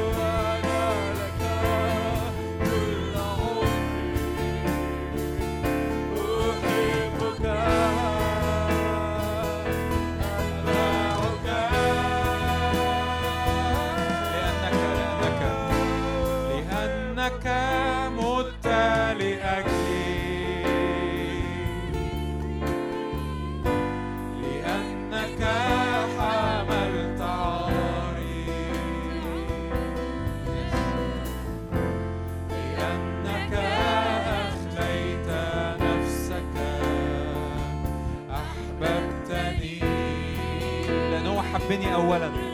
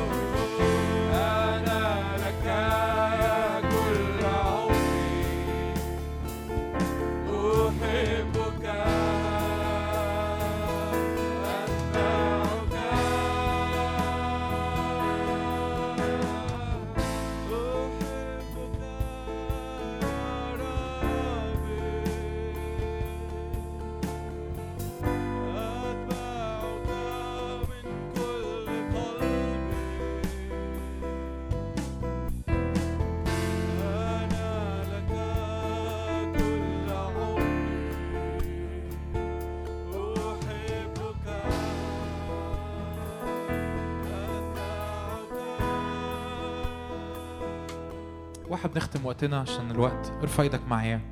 يا رب لن أحيا مسيحية مخففة. لن أحيا مسيح اعلنها أنا عايزك تنطقها. انطق هذه الكلمات. لما بتنطق الكلمات بتكون في حياتك. يا رب لن أحيا مسيحية مخففة. لن أحيا تبعية مخففة. مش أحيا نص نار ونص تبعية ونص قداسة ونص محبة. نعم يا رب النار النار النار تأكلني لأن إلهنا نار أكلة في اسم رب يسوع. انت قلت يا رب من وجد حياته يضيعها ومن أضاع حياته من أجل يجدها. يا رب أنا مستعد أضيع حياتي من أجلك لأن أنا عارف إن أنا هلاقيها في الآخر. أنا مستعد إني أضيع حياتي من أجلك لأن أنا عارف إن أنا هلاقيها في الآخر. وأي حاجة دلوقتي بتخدعني بتقول لي إن أنا كده بلاقيها أنا عارف كده ده كويس قوي إن أنا بضيعها. يا رب أشكرك لأنه من وجد حياته يضيعها ومن أضاع حياته من أجلك يا رب يجدها. وأنا بختار يا رب إني أضع حياتي لأجلك. أبذل حياتي لأجلك أبذل حياتي لأجل مشروعك هنا على الأرض لأجل امتداد ملكوت الله. في اسم رب يسوع. صلي معايا كده. روح الله اختم بدم يسوع على كل قرار. اختم بدم يسوع على كل طلبة. اختم بدم يسوع على كل صلوة. اختم بدم يسوع يا رب على كل قرار حقيقي طالع من القلب للتبعية. كل قرارات خدناها وفي أوقات الصلاة كل قرارات أنت خدتها في أوقات الصلاة. قول روح الله أنا عايز نعمة. ممكن تكون خدت قرارات سهلة ممكن تكون خدت قرارات صعبة. قول يا رب أنا محتاج نعمة. نعمة إني أستمر. نعمة إني مرجعش لورا نعمة إني لما أحط إيدي على المحرات مرجعش أبص لورا تاني. في اسم رب يسوع. يا رب نشكرك نشكرك. أشكرك يا رب لأجل صنيعك في إخواتي. أشكرك لأجل صنيعك في هذا الجيل. أشكرك لأنك بتقيم يا رب جيل ناري حقيقي جيل ناري. مليان بالنعمة مليان بالمحبة مليان بالإكرام ليك مليان بالتبعية للآخر ليك. أشكرك يا رب لأجل كل أخ وأخت ليا استجاب لدعوتك النهارده. ثبت عملك فيهم في اسم يسوع. ثبت عملك فينا. ثبت عملك في وسطينا في اسم الرب يسوع. بنحبك لكل مجد يا رب. آمين.